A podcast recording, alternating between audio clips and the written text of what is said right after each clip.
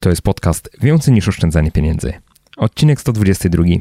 Dzisiaj usłyszycie o biznesowej drodze od samodzielnego influencera do przedsiębiorcy, który działa na kilku rynkach.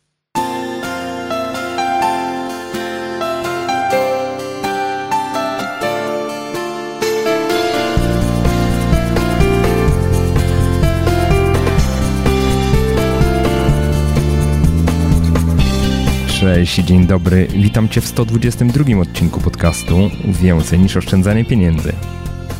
Ja nazywam się Michał Szafrański i w tej audycji przedstawiam konkretne i sprawdzone sposoby pomnażania oszczędności. Podpowiadam, jak rozsądnie wydawać pieniądze i jak odważnie realizować swoje pasje i marzenia. Jeśli tylko szukasz odrobiny stabilizacji finansowej i emocjonalnej w swoim życiu, to ten podcast jest dla Ciebie.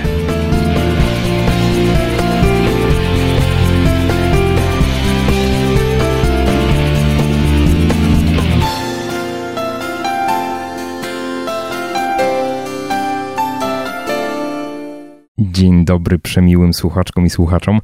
Dzisiaj ponownie zaprosiłem Krzysztofa Gonciarza, czyli osobę, która jest znana z YouTube'a. Mm, I Krzysiek już występował w 87 odcinku podcastu, w którym opowiadał o tym, jak wyglądają kulisy jego pracy i ewolucji jako YouTuber. A dzisiaj porozmawiamy o czymś, czego na YouTubie nie widać i o czym dosyć rzadko rozmawia, czyli o biznesowej stronie tych wszystkich jego działalności, w szczególności o takiej drodze od soloprenera, czyli przedsiębiorcy działającego w pojedynkę, do osoby, która prowadzi kilka firm i to na skalę międzynarodową, które zatrudniają i współpracują łącznie z kilkunastoma osobami. Rozmawiamy o tym, jak Krzysiek się przełamał, żeby zatrudnić pierwszego pracownika, o tym, jak organizuje to swoje zaplecze, o tym, w jaki sposób sprzedaje projekty na swoich kanałach YouTube'owych, w jaki sposób też sprzedaje i pracuje z klientami, jakiego typu produkcje realizuje dla klientów korporacyjnych. Trochę też mówimy o pozyskiwaniu klientów, trochę też o tym, dlaczego w Polsce otwiera kolejną swoją firmę, firmę produkcyjną i trochę też o takich ciemnych stronach, popełnionych błędach, kryzysach wizerunkowych. Jednym słowem, tym, co w życiu przedsiębiorcy prędzej czy później się przytrafia. Zapraszam serdecznie do wysłuchania naszej rozmowy. Cześć Krzysiek. Cześć, siema. Tak Dzień dobry. poważnie. Bardzo dziękuję za zaproszenie. Ojej, ojej, jak mi miło, że przyjąłeś zaproszenie. W ogóle przyjeżdżasz do Polski i widzimy się praktycznie za każdym razem prawie jak jesteś, nie? No, aż to jest dziwne, bo nawet z niektórymi bliższymi znajomymi się tak często nie widuję jak z tobą, więc to jest, to jest, Pięknie, pięknie. to jest już trochę creepy w tym momencie. Tak, dziwnie to wygląda i dziwnie się zaczyna ta nasza opowieść, ale dla tych, którzy cię jeszcze nie znają, to taką tradycją jest, Mhm. że trzeba się u mnie przedstawić, czyli powiedz tym, którzy nas słuchają oglądają, kim ty właściwie jesteś. Ja jestem e, youtuberem przede wszystkim, przynajmniej w Polsce e, ludzie mnie znają jako youtubera. Mam, e, tworzę treści do internetu od w sumie wielu, wielu lat, no już chyba z, nie wiem, z 15 lat chyba już coś publikuję w internecie, nie zawsze były to filmy, ale em, tworzę kanały YouTube'owe, mam ich kilka, a poza tym w Japonii mam firmę produkcyjną zajmującą się produkcją wideo. No i teraz w sumie też otw- otwieramy e, w Polsce taką podobną działalność, więc produkcja wideo w wydaniu e, do internetu, do YouTube'a plus produkcja no inna, komercyjna. dla Podpytam cię, co to znaczy produkcja komercyjna, ale to Ale za chwilę. generalnie jestem człowiekiem od filmików. Bardzo dobrze. Mm. Fajnie to wygląda. Ja od razu zdradzę dla tych, którzy nie oglądali, że 87 odcinek podcastu Mhm. występowałeś. Tak sobie popatrzyłem dzisiaj wstecz, to było chyba z półtora roku temu już. Szmat czasu. Yy, opowiadałeś tam o tej działalności swojej YouTube'owej, czyli jak, jak działać na YouTubie, a ja bym cię dzisiaj bardzo chciał przepytać właśnie o tą działalność y, biznesową, czyli to, czego zazwyczaj u ciebie nie widać. No bo nagrywasz vlogi, Mhm. każdy może podejrzeć sobie kawałek twojego życia. Oddzielna sprawa, ile widzi No, z tego nawet. twojego życia. No trochę widzi, na pewno. W ogóle pomyślałem, może, może trzeba powiedzieć, ja się nie lubię chwalić, ale tak, żeby No ludzie, którzy, którzy w ogóle mnie nie znają, żeby wiedzieli, bo tak powiedziałem, człowiek od filmików, więc jakby no śledzi mnie powiedzmy półtora miliona osób, czy koło mil... Ciężko jest Masz przeliczyć, dwa kanały. prawda, Masz dwa kanały. Okej, ciężko jest przeliczać subskrypcje na ludzi, bo nikt nie wie, co jest tam prawdą. Jakby wszystko zsumować, to wyszłoby z 2 miliony, ale tak, no powiedzmy, że z milion ludzi tak mniej więcej kojarzy, co robię. Kto to jest Krzysztof? Około 100 tysięcy osób regularnie, tak naprawdę bardzo regularnie to oglądam, Mhm. prawie codziennie. 100, No 150 vlogi to jest tysięcy. zazwyczaj ponad 100 tysięcy, 150 właśnie. No nie? tak, no dla mnie takim, jeśli jak sobie tak rzucam okiem na kanał, jeśli wszystko jest powyżej 100 tysięcy, to jestem taki spokojny. No czasem są, no, no wiesz, no jest zawsze pewna sezonowość tego, no bo czasem masz dobry taki no streak fajny, że dobrze wszystko wchodzi, czasem nie. Często to jest też na YouTubie niezależne od ciebie, co jest bardzo Mhm. frustrujące, bo to jest po prostu ukryta magia YouTuba, który nagle udziela ci tej łaski. Teraz w tym tygodniu w ogóle wszystko będzie się klikać bardzo dobrze. Ty myślisz sobie, wow, ale jestem dobry w tym, co robię, a tydzień później ta łaska jest ci odbierana, bo coś tam nie, nie pykło z algorytmami, no i już nie jesteś dobry w tym, co robisz. No właśnie, to od razu zapytam, a to, to nie jest tak, że trochę, e, nie boisz się trochę, że to się skończy, ten taki... Boję się, oczywiście. No, ja jestem tak pokorny w tym wszystkim. Znaczy, e, staram się zawsze właśnie, jeśli rzeczy działają dobrze, na YouTubie mówię, no bo tam rzeczy takie biznesowe, no to jest bardziej, bardziej pod kontrolą wbrew pozorom, nie? Dokładnie. Rzeczy em, związane z YouTube'em, ilekroć idą dobrze, ja raczej uważam to za fuksa, czy za szczęśliwy zbieg okoliczności, poparty ewentualnie e, jakąś tam e, dobrą treścią. Ale to jest bardzo naiwne myślenie, że wystarczy robić dobry content, żeby on odnosił sukcesy, bo to, no to tak nie działa. A co działa w takim razie? Cholera wie. Ja nie wiem, czasem, czasem mi się udaje, że, że rzeczy się klikają dobrze. E, Wydaje mi się, że to, co udało mi się zrobić e, na YouTubie, to zbudowałem fajną społeczność ludzi, którzy są e, widzów w sensie, którzy są, no lubią mnie jakby poza poziom tych kanałów, które posiadam. To znaczy, gdybym nagle zamknął kanały YouTube'owe swoje i powiedział, od teraz jestem, nie wiem, tylko na Instagramie, no to pewnie ci ludzie część przynajmniej z nich uznałaby, że potrzebuje tej, tego kontaktu z Krzysztofem i tego śledzenia mnie, więc by poszła. No może Instagram to zły, pro, zły przykład, bo i tak każdy ma Instagrama, ale wiesz, e, no nie wiem, jestem Jakaś na stronie, platforma, jestem na nie? platformie krzysztofgonciarz.com od dzisiaj i myślę, że ta platforma jakby tam, ktoś tam by wchodził i to jest myślę taki no sukces świadectwo dojrzałości jakby czy kanału YouTube'owego, czy twórcy, blogera, influencera, kiedy ludzie są w stanie pójść za tobą ten krok dalej. To jest, myślę, że zabawne, bo w przypadku blogów to jest bardziej naturalne, prawda? W sensie ludzie domyślnie wchodzą do ciebie. konsumpcji treści, inny sposób konsumpcji treści w ogóle. Właśnie, to jest moja platforma, oni wchodzą na moją platformę, nie? A No ty właśnie o to jesteś mi na chodzi, YouTubie, na że, cudzej że jako bloger możesz mieć zasięgi mniejsze niż jakby tam największe kanały YouTube'owe w Polsce, ale jednocześnie to są ludzie, którzy naprawdę przychodzą do ciebie, a Mhm. jak masz dużą oglądalność na YouTubie, to bardzo często to jest zasługa tego, że YouTube postanowił cię polecić po prostu jakimś ludziom i no to no mechanika działania tego jest kompletnie inna. Jasne. Nie masz jakichś takich pomysłów, jak te osoby próbować jednak, e, znaczy inaczej, jak się zabezpieczać przed tym, że ten YouTube kiedyś te zasięgi czy, czy sposób promowania tych twoich treści ograniczy? Nie wiem. No w obrębie YouTube'a się nie da przed tym za, zabezpieczyć. No Znaczy, w okej, sensie- ale jakaś taki pomysł na przykład, ja się zastanawiałem właśnie, dlaczego Mhm. na przykład y, YouTuberzy w zasadzie nie decydują się na to, żeby zbierać adresy e-mail. Nie, w ogóle tego nie ma, nie? To prawda. No to jest takie coś, co słyszałem niejednokrotnie i zawsze sobie myślę, hmm, Może, zapamiętam może. i jakoś nigdy tego nie robiłem, więc to jest, to jest, to jest słuszny argument. Moim, no moją odpowiedzią jest to, co powiedziałem wcześniej, że, że ja stawiam na taki dość no, intymny czy taki bliski kon- kontakt z widzem, że po prostu chcę, żeby ludzie mi jakoś ufali. Chcę mieć to takie ich takie credibility w, w ich oczach, gdzie em, oni po prostu mnie jakoś darzą sympatią, czy czują się jakoś e, związani e, z kanałem, czy z twórczością moją i, i że będę ufał w drugą stronę, że ja będę miał do nich to zaufanie, że oni gdzieś tam, jak nie wiem, łaska algorytmu zostanie mi odebrana, to że oni mnie znajdą. W sensie, Jasne, wiesz, jasne. Znaczy budujesz relacje po prostu, no mówiąc tak, w dużym tak, skrócie, tak. tak? No, no to, jest, to jest ważne. To jest, myślę, że no w przypadku niektórych twórców, niektórych kanałów to się niejako dzieje samo, bo jeśli wypuszczasz treść regularnie przez lata, no to siłą rzeczy stajesz się kimś ważniejszym i ważniejszym w czyimś życiu. Jeśli ktoś cię ogląda przez 5 lat, Mhm. to nawet jak macie trochę w dupie, to i tak no kimś jesteś w jego życiu. tak.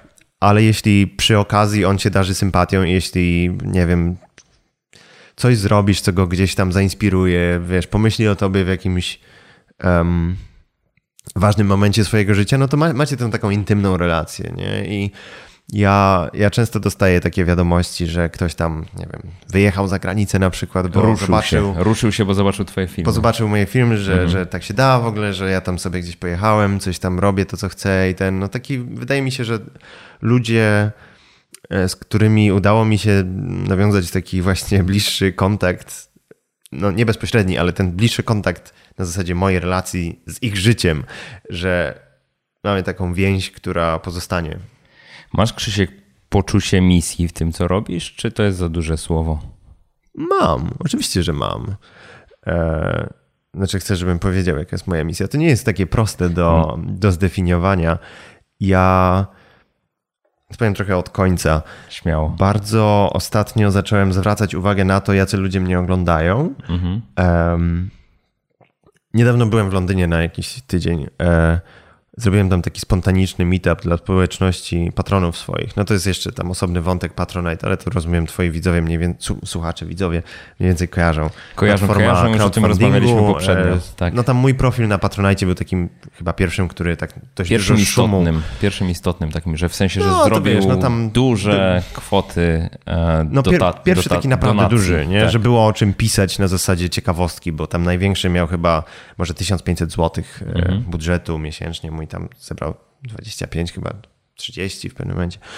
Um, i cały czas do pierwszych patronów. Nie, wrócimy. Cały czas do pierwszych Wracamy do Londynu, nie? E, I ja lubię te spotkania patronajtowe, bo tam jest taki kameralny klimat, w sensie przychodzi e, powiedzmy 15 osób, 20 e, mhm. przy tej skali jakby publiczności, którą, która mnie ogląda, no jeśli robię spotkanie otwarte, to jest to wydarzenie masowe i jest to troszkę inna dynamika. I w tych małych spotkaniach jest okazja każdego poprosić, żeby się przedstawił całej grupie, tak zintegrować ludzi ze sobą. Ja to bardzo lubię robić i okazuje się, że ci ludzie, że każdy jest ciekawy, wiesz, tu jest programista, tu jest grafik, tu jest student mody, tu jest jakiś ten i tak sobie myślę, kurczę, fajnie, nie? Naprawdę fajni, różnorodni ludzie, często z branży kreatywnej mnie oglądają, czy z takich, wiesz, młodych ludzi, którzy no, czegoś tak w życiu szukają. Mhm. Są tacy poszukujący, chcą zrobić coś fajnego, chcą właśnie często myślą o podróżowaniu po świecie, czy e, no, wyjechaniu za granicę, ale w taki sposób, wiesz, jak się mówi o wyjechaniu za granicę, to brzmi trochę tak e, pejoratywnie, że wiesz, chcesz uciec z ojczyzny, bo tu nie ma perspektyw, nie? Ale właśnie wydaje mi się, że ci ludzie, których spotykam w różnych krajach, którzy mnie oglądają, że oni są tacy... Um, ten, to ich bycie w, in, w jakiejś ciekawej części świata nie, nie wynika z jakiejś tam pogardy wobec ojczyzny, tylko chcą się czegoś nauczyć, ewentualnie chcą wrócić, mhm. E, bogatsi o te doświadczenia. Wiesz, to jest. No bardzo lubię ostatnio tę swoją społeczność. To może zabawnie brzmi, ale lubię ją przez ostatnie miesiące dużo bardziej niż e, kiedykolwiek wcześniej, bo tak jakoś ludzie chyba dojrzeli też. Um, Mówisz o widzach? Tak. No wiesz, moja taka średnia wieku to jest około 25 lat. To jest mhm. może, nie wiem, jeśli ktoś żyje takim stereotypem, że YouTube oglądają gimbusy, to to może być w ogóle, wiesz, mózg e, eksploduje jak to słyszy i pomyśli, że to jest ściema. No ale, no, ale nie jest. No, w sensie to, to, są, to były gimbusy. Tak. jak ja zaczynałem robić YouTube'a no, blisko 10 lat temu i to mhm. były gimbusy i teraz już nie są, no w sensie... Mają te 20 parę lat. Um, ludzie dorośli, ty doros, ja dorosłem, wszyscy, ten czas płynie dla wszystkich porówno, jak y, robiłeś y, prawda, filmy oglądane przez 14-latków, to po paru latach są to filmy oglądane przez 20-latków, które od 6 lat ciebie oglądają i mhm. masz już tą taką sztamę z nimi, że wiesz, ktoś tam pamięta, że oglądałem Zapytaj Beczkę, jak pisałem egzamin gimnazjalny, czy coś takie, wiesz, a teraz już jestem na studiach, nie? No, jedna osoba, która u mnie pracuje, Borys, on jak do mnie się zgłosił, chyba z półtora roku temu czy rok temu, e, on mi przysłał swoje zdjęcie ze mną, jak miał 13 lat. Teraz ma 18 z kawałkiem chyba. Mhm. Takie wiesz, no po prostu był na premierze mojej książki pierwszej, tam w 2012 roku chyba i ma takie zdjęcie jako taki, no z twarzy dziecko, no bo miał chyba 12-13 lat, teraz ma 18, już jest takim normalnym kolesiem, z którym mogę sobie porozmawiać, nie? Już, nie wiem, legalnie pije alkohol, wczoraj byli, mieliśmy imprezę i no widziałem go z puszką piwa w ręce, więc ludzie się zmieniają, dojrzewają. Nie wiem, żartuję, ale... Ale jak to jest wy wychować sobie pracownika? Wiesz, ja mu bardzo kibicowałem, znaczy bardzo mnie to chwyciło za serce i jak to zobaczyłem, sobie myślę, o Boże, ale bym chciał, żeby ten koleś był dobry, nie? W mhm. sensie uznałem, że no, no wiesz, no nie, nie, bo on montażem się zajmuje, jest jednym z montażystów, no nie przepuściłbym kogoś słabego, dlatego że mnie wzruszyło, że ma zdjęcie ze mną. Nie mhm. pozwoliłbym sobie na to, ale z drugiej strony bardzo tak chciałem, bardzo, żeby okazał się uzdolniony. Jest bardzo, bardzo zdolny. Super. Wrócimy do wątku pracowników, mhm. ale nie powiedziałeś w końcu, co jest twoją misją. Powiedziałeś, że fajnie tak jest y, być no blisko. I, I właśnie, bo zacząłem mówić o tej społeczności z tego względu, że ostatnio zacząłem widzieć taki cel, nie? że ta społeczność, ona ma strasznie dużo skumulowanej wiedzy między sobą. W sensie, mhm. wiesz, jadę gdzieś y, do Londynu, poznałem tam dwóch e, takich młodych studentów. Jeden studiował e, fashion design, e, odzieży sportowej, drugi studiował inżynierię dźwięku czy coś Jaka takiego. specjalizacja tak w ogóle w fashion no posz. Poszliśmy sobie na jakiś tam spacer, oni mi tam opowiadali o modzie, w ogóle o tym, o życiu w Londynie i tak sobie myślę, kurde, nie? Ile wszyscy ci inni ludzie, którzy to oglądają, ile mogą się nauczyć od takiej jednej osoby, a tych ludzi jest tam 150 tysięcy, nie? No. Więc jakby ta skumulowana taka ta, suma ta, doświadczeń. Ta, ta, suma doświadczeń jest ogromna, a ja mam ten, tę możliwość, że jestem w stanie się jakoś tak poruszać między tym i tak wyciągać takie fajne rzeczy i jakoś, na, wiesz, e, przekazywać tę wiedzę od jednej osoby do 150 tysięcy i te takie doświadczenia, różne punkty widzenia, no nie wiem, no, mnie to bardzo inspiruje w tym sensie, nie? Mhm. E, podróżowania, poznawania ludzi i też pokazywania ludziom, że można, e, że można robić takie rzeczy. No, w sensie ten mój styl życia jest taki dość specyficzny, myślę, bo bardzo dużo się poruszam po świecie, jakby um, zajmuję się no, tam też może ludzie nie do końca sobie zdają sprawę i tak trochę za bardzo może wierzą, że to jest sama zabawa, to co, to, co ja robię, ten, tej części takiej mroczniejszej nie widać. E, ale, ale i tak, no przez to, że wiesz, że, że tego nie widać, to dla części ludzi jest to, z tego co oni mówią, inspirujące, że jesteś w stanie mieć jakiś tam styl życia, który, um, który normalnie widzisz tylko gdzieś tam na, na ekranie. Który się wydaje niedostępny po prostu, mhm. nie? Bo tak jesteśmy nauczeni, że to w zasadzie mhm. to dla nielicznych, a to nie no. jest prawda. To nie jest prawda. No dobra, powiedziałeś ja, o tej... jeszcze, jeszcze jedno powiem, nie? W Nowym Jorku poznałem taką dziewczynę, która właśnie mi mówiła, że wyjechała do Nowego Jorku tam pod wpływem filmu Krok Pierwszy, który jest takim jednym z najlepiej oglądanych moich filmów. To naprawdę, jak ona to mówiła, to no ja byłem wzruszony. Nie? No. Wcale się nie dziwię. Hmm. No jest tak, że wiesz, wpływasz na innych. Ja myślę, że to, to każdy z nas wpływa. No ja też w jakiś tam sposób wpływam, ale to, co jest fajne rzeczywiście w, u ciebie i to publicznie to powiem po raz kolejny, e, mi się wydaje, że jesteś taką osobą, która udowodniła, że jakby jedno, jedno że trzymasz poziom, ale drugie, że no nie ma w tym, co robisz, ściemy nie? Czyli jesteś szczery w tym, co robisz. Być może nie pokazujesz całego swojego życia, ale to, co pokazujesz, jest szczere. I teraz yy, no, do takich ludzi się po prostu lgnie, Krzysiek. No, to, to tak jest. Wokół ciebie grupują się osoby, które w pewnym sensie A są podobne do ciebie, B aspirują do tego, żeby być nie, nie chcę powiedzieć być tobą, nie? bo to, to już to creepy brzmi trochę, ale aspirują do tego, żeby e, jakby być podobnymi bądź wieść podobny styl życia i, i no, siłą rzeczy, nie? Więc... To, jest, to jest też zabawne, jak mówisz właśnie, że ściągasz ludzi podobnych do siebie, bo to jest e, no aż momentami karykaturalne, w sensie ja jestem ludzie się zawsze krzywią, jak ja to mówię o sobie, ale jestem introwertyczną osobą, raczej nie, nie, lubię, skupia, nie lubię skupiać na sobie uwagi, co ludzie zawsze, ale śmieszne, ale tak jest, no w sensie ja przed kamerą mogę się czuć komfortowo, tutaj jakby z tobą się mogę czuć komfortowo, ale jak pójdę do knajpy jest tam 8 osób, jest... których nie znam, to ja tak się wstydzę w ogóle. Wiesz, Zamykasz się w sobie, nie? Jestem, no, no nie jestem takim typem osoby, ten cześć, się ma w ogóle coś tam, coś tam, nie? E, I jak widzę społeczność swoją, przychodzi 50 osób na jakieś tam spotkanko, to wszyscy tacy są i wszyscy się siebie wstydzimy nawzajem i tak sobie myślę, kurde, to jest takie, ja widzę siebie w tych wszystkich e, ludziach. Tak, odbicie, nie? nie? No. no, że, że to jest... Mm, jakoś, wiesz, tak 50 introwertyków, którzy się boją do siebie zagadać nawzajem, ale mimo wszystko wiedzą, że coś tam. Tak, jest poczucie coś tam wspólnoty. Do siebie czują. Jest poczucie wspólnoty, nie?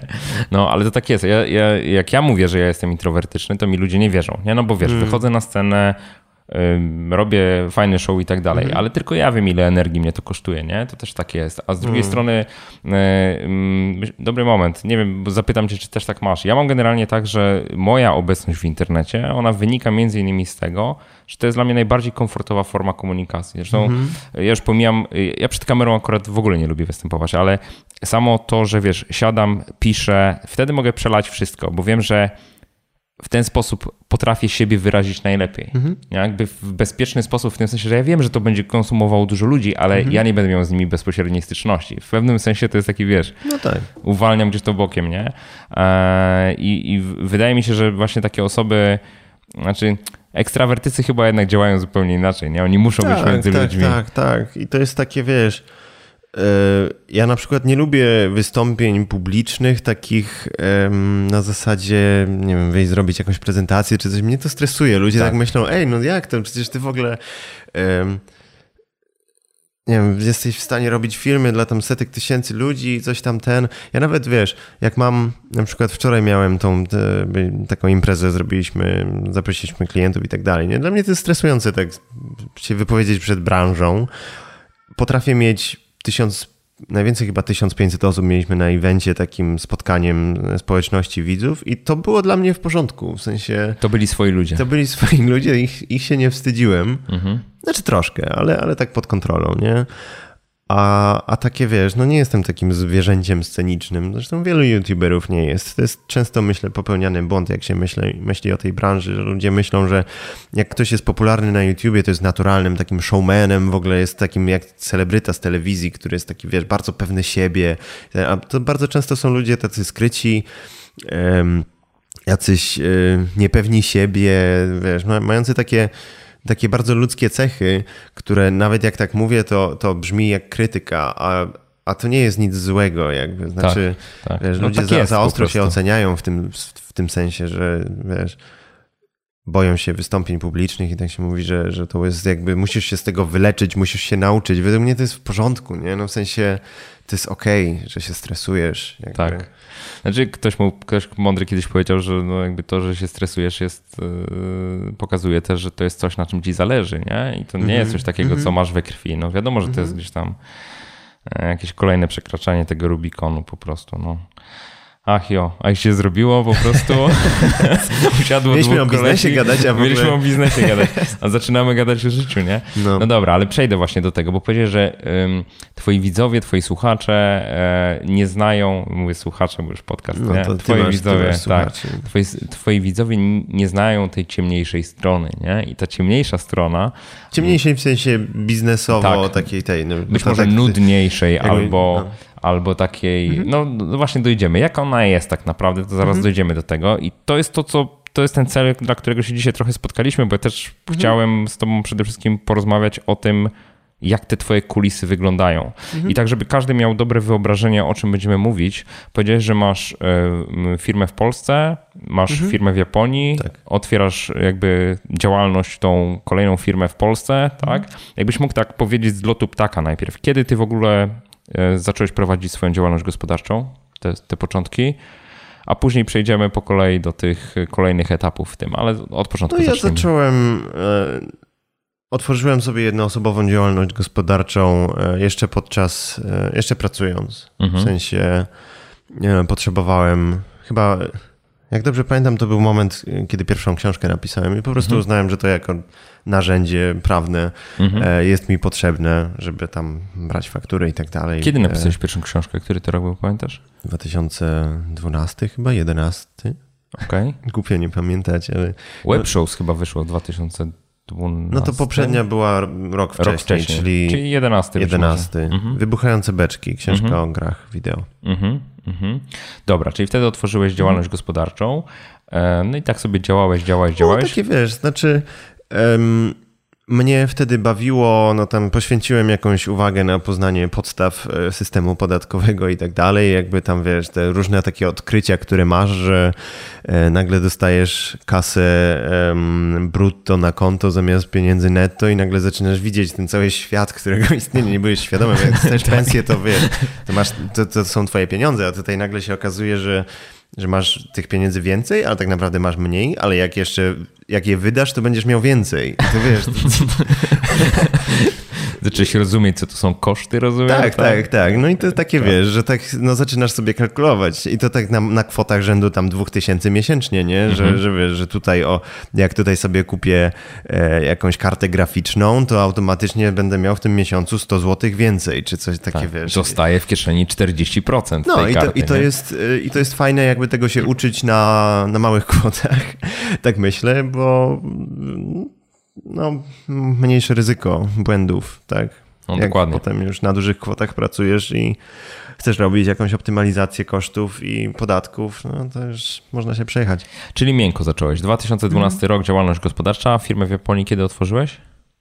Jakieś trzy lata temu, trzy lata istnieje. Chyba Mhm. Co teraz było? jakoś będzie akurat trzy lata. W maju chyba powstała. Co było powodem do otwarcia tej działalności w Japonii? E, My zrobiliśmy sobie, znaczy powodów było kilka. No przede wszystkim ja chciałem spędzać czas w Japonii, żeby no tam zamieszkać czy pomieszkiwać e, i różne tam są furtki, możliwości, żeby dostać japońską wizę, tak odrzucając różne opcje, bo nie chciałem tam pracować, no bo już miałem swoją jakby tam karierę w Polsce. E, Założenie firmy wydawało się sensowne i to był jeden argument. Dzięki temu, że założę firmę, będę mógł tam być, mieszkać, robić jakieś zlecenia dla klientów japońskich. Nie? Z drugiej strony poznałem Kasię w tamtym okresie, moją e, wspólniczkę, bo my jesteśmy partnerami jakby 50-50 w tej firmie. Kasia miała jakieś swoje kontakty w branży reklamowej, wcześniej pracowała, pracowała w takim e, wydawnictwie, które magazyny wydaje w Japonii. No i tak uznaliśmy, że moja jakby tam wiedza o produkcji wideo z dzisiejszej perspektywy dość skromna, nie ukrywam, ale uznaliśmy, że ja mam wiedzę, Kasia ma jakieś tam pojęcie o e, japońskim świecie takim biznesowym. Też, też jej wiedza była wtedy dość skromna w porównaniu do obecnej. No tak uznaliśmy, że spróbujemy. My tak naprawdę zrobiliśmy taki jak to się mówi, proof of concept. Postawiliśmy stronę internetową, powiedzieliśmy, że jesteśmy firmą i zobaczyli, i zaczęliśmy mailować, że, jeste, że istniejemy do różnych e, klientów. Okazało się, że bardzo szybko wrócił do nas klient taki niedorzecznie wielki. Po, po prostu był ogromny taki, wiesz, no, no zrobiliśmy myk rzędu napisać maila do prezesu, prezesa Twittera, powiedzieć mu, ej, masz jakąś robótkę dla nas. E, Odważnie. to nie chodziło o Twittera, tylko o inną O jakąś firmę. inną firmę, no. No i odpisał, że a, okej, no spoko, to przyjdźcie na spotkanie, nie? I okazało się, że wiesz, że możemy mieć ten kontrakt, bo jakby to, co oferujemy, to jest to, co, czego oni chcą, więc no to dobra, no to załóżmy tę firmę w takim razie. No i wtedy firma legalnie powstała. Ale to niezła historia. A ten pomysł na testowanie tego, czy, czy, yy, czy jest zapotrzebowanie na wasze usługi, to twój pomysł, czy gdzieś wyczytałeś? Nie pamiętam, no ale to tak naturalnie raczej przychodzi. No w sensie dużo chyba ludzi tak robi. Wiesz co, wiele, startupowe wiele osób, chyba podejście, Wiele nie? osób to chyba robi tak, że zakłada sobie e, firmę. Następny krok to jest chyba zrobienie wizytówek. się śmieję oczywiście, ale tak jak Mhm. tradycyjnie działali ci przedsiębiorcy, tak kojarzę, że tak dokładnie było, nie? Mhm. Pierwszy krok w firmie trzeba zrobić wizytówki, może zaprojektujmy wizytówki po prostu. Wiesz, to jest w kontekście Japonii akurat mniej śmieszne, bo tam wizytówki to jest naprawdę bardzo ważna rzecz. My mieliśmy wizytówki zanim mieliśmy firmę legalnie założoną, Okej. ale to jest tylko specyfika japońska, bo tam po prostu no, no nie możesz wejść na spotkanie biznesowe nie mając wizytówki. Nie? To jest 100% core e, kultury biznesowej. Fundament, no, w, sen, no w sensie jesteś mega no, nieprofesjonalny, jak Super. nie masz wizytówki. Nie? To Fajne są te twoje ciekawostki japońskie, bo to rzeczywiście jak się te twoje filmy ogląda, to co chwila po prostu coś wychodzi fajnego. No, no to są takie rzeczy, wiesz, które tam sobie podchwyciłem sobie przez lata na temat Japonii. No, na tym się duża część moich filmów zasadza, że mówię, wiesz, idę sobie po ulicy, a wiecie, bo tutaj w ogóle jest takie coś śmiesznego. Dokładnie tak. Dobra, czyli tak, wracamy. Mamy firmę założoną w Japonii mhm. metodą, że najpierw testujesz, czy jest zainteresowanie. Złapaliście mhm. pierwszego klienta i od razu mi się rodzi pytanie, e, czy to był taki szczęśliwy strzał i na tym się skończyło i długo, długo nic, czy rzeczywiście pojawili się e, kolejni klienci w miarę sprawnie? Japonia jest takim specyficznym dość rynkiem i wszyscy mówią, że w Japonii potrzebujesz kilku lat. Znaczy chyba wszędzie się tak mówi, ale w Japonii to jest jeszcze bardziej prawda niż mhm. indziej, gdzie indziej, że potrzebujesz paru lat na tak rozsianie takiej dziwnej, metafizycznej sieci, która dopiero zacznie coś łowić po paru latach. Ja w to nie wierzyłem, bo mi się wydawało to, wiesz, tak jakby racjonalnie, mierzalnie jakby ile wysyłasz maili, ile jakby jak intensywnie prowadzisz sprzedaż, to to do ciebie wraca i tak wiesz, no jakby bardziej statystycznie widziałem, tego bardziej widziałem to jako taki no, związek A do B. E, okazało się, że, że jest jakaś magia w tym wszystkim, bo faktycznie po paru latach takiego, no nie że posłuchy, no ale jakby to zaczyna, zaczęło trybić dopiero po, po jakimś czasie. Mhm.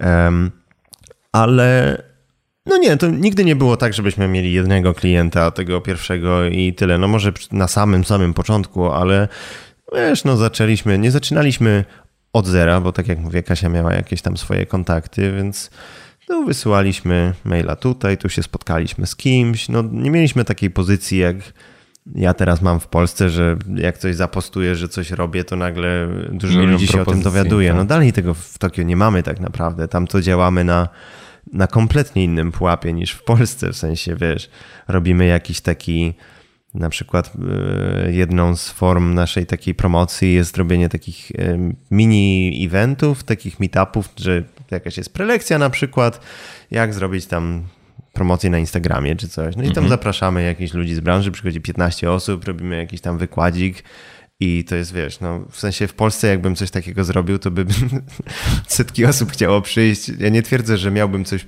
mega odkrywczego do powiedzenia, ale to jest, to jest właśnie ta siła marki, nie? W sensie Dokładnie. tu możesz mieć tysiąc osób chętnych posłuchać, jak mówisz o Instagramie. O czymkolwiek Tam przyjdzie dziesięć i i co gorsza, znaczy co gorsza, te tysiąc osób jak przyjdzie, to i cię lubi, to uzna, że mówiłeś zajebiście ważne rzeczy, a te 10 osób, które cię nie zna, uzna, e, nie wiem, czy warto było przyjść, nie? Więc to jest, to jest ważne. Ja, ja sobie czasem żartuję o tej naszej japońskiej działalności, że dla mnie to jest mnie to jest potrzebne jako taki regularny, zimny prysznic. Coś, co cię trzyma przy Coś, ziemi. Coś, trzyma przy ziemi, wiesz, żeby nie odlecieć na zasadzie tego poklepywania po plecach, bo jak, tak.